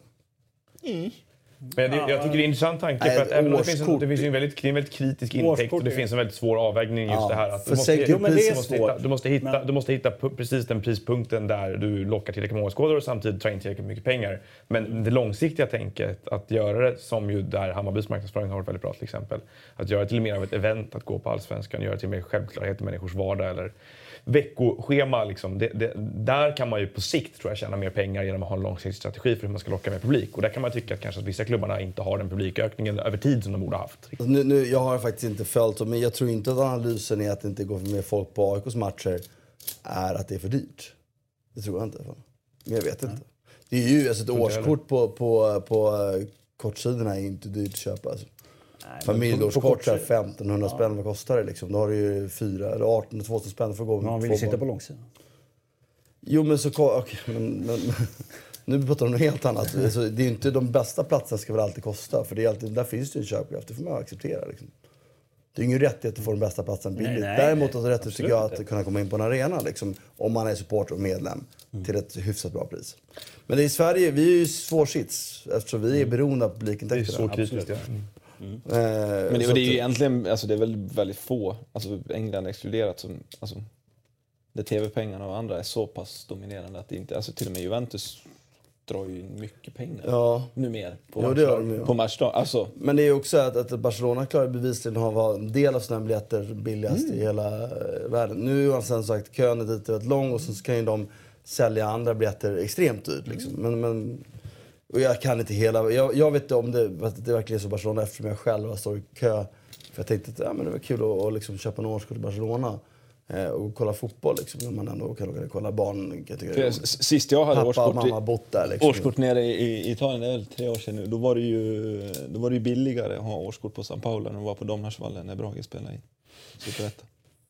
Det är sjukt. Eh, Det, det finns ett problem med det, ska också, med det, här, det som händer i England och det är ju att eh, arenan är ju en väldigt bra plattform för att protestera när saker och ting är för dåliga. Eh, och det utnyttjas väldigt bra i de länder där publiken, när publiken inte är där, då är det en, det märks. Liksom. Ta Sunderland till exempel, under deras liksom, ras nu nere i League One så har ju Stadium of Light stått halvtom väldigt många veckor. Och det är total apati som råder. Det finns liksom... Vad gör vi nu? Det är ju mer, det, och, det, och det är problemet med den här globala produkten att ja, det är lugnt, det märks inte så mycket genom tv-skärmen. De fortsätter att inte gå dit och ägarna drabbas inte för hårt i fickan av det. Liksom, så att de, Eh, så att, att, att det är en kritisk intäkt är någonting ganska bra också för, för förhållandet för, mellan supporter och klubb. Men, och, eh, jag vill, på, vill rätta med det här. Jag tycker att det är en kritisk, eh, kritisk del för varumärket Klart, att det inte är det där. väl ja. Ja, och det, men men den, den, det är en, de ska verkligen utnyttja det i Premier League nu. Det är verkligen så vara som, de ska, som resten av världen borde avundas. Då får, Och jag då får tror de att... mer jobbiga fans som skriker när det inte är bra också. Det är skönt för dem när det är lite tyst och lugnt fast det går Ja. dåligt. Såklart att det är det. Men, men, men ja. Frös på säsongsbiljettpriserna i tio år för att folk skulle fortsätta gå för att de visste att det skulle bli skit sen. Ja. Mycket, mycket klokt resonerat. Ja. Så kan det gå. Eh, väldigt kul att ha Antonija här. Du är alltid välkommen. Tack så mycket. Eh, Christian, har Area Piccola dragit igång? Eller? Eh, vi kör igång nu på söndag. Ja, eh, vi på och ka- kalibrerar eh, vissa saker. Strive kanske? Köp Vem vet? Martin har ett, ja. Ta Martin. Eller han har, han, har- han har två, så han har, han har dela över. Ja. Ja, härligt hörni. Tack till alla som har tittat. Missa inte heller Eurotalk Weekend som är tillbaka på torsdag precis som, precis som vanligt. Och Eurotalk alltid måndagar live 11.00 om ni så vill. Ses då. Hej då. Hej då.